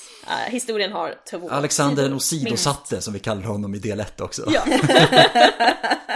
En av världshistoriens mest kända personer. absolut. Kan vi sluta oss till. Ja. Kanske den mest kända personen från antiken. Mm. Även under antiken var han den mest kända personen. Ja. Eh, och det här var slutet på del 2. Mm, Och det kommer ingen med del 3. Nej. Nej. Det här var allt. Ja. Det här var det ni får. Ja. Eh, vi kommer säkert få skäl att återkomma till honom i framtiden. Absolut. På kanske minisnitt och i något annat avsnitt. Ja, Eh, om inte annat. Så att ja, det var nog allt för oss. ja. Har ni frågor eller kommentarer? Maila oss på podiuskastus.gmail.com eller skriv till oss på Instagram eller Facebook. Mm. Och det var allt för oss. Så vi säger Tack för, för idag och på återhörande.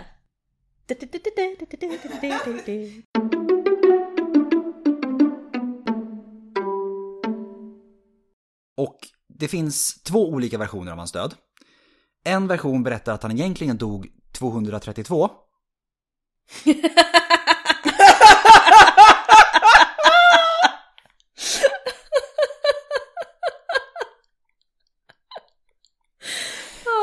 Stackars Hanna, hon kommer aldrig få överleva det här.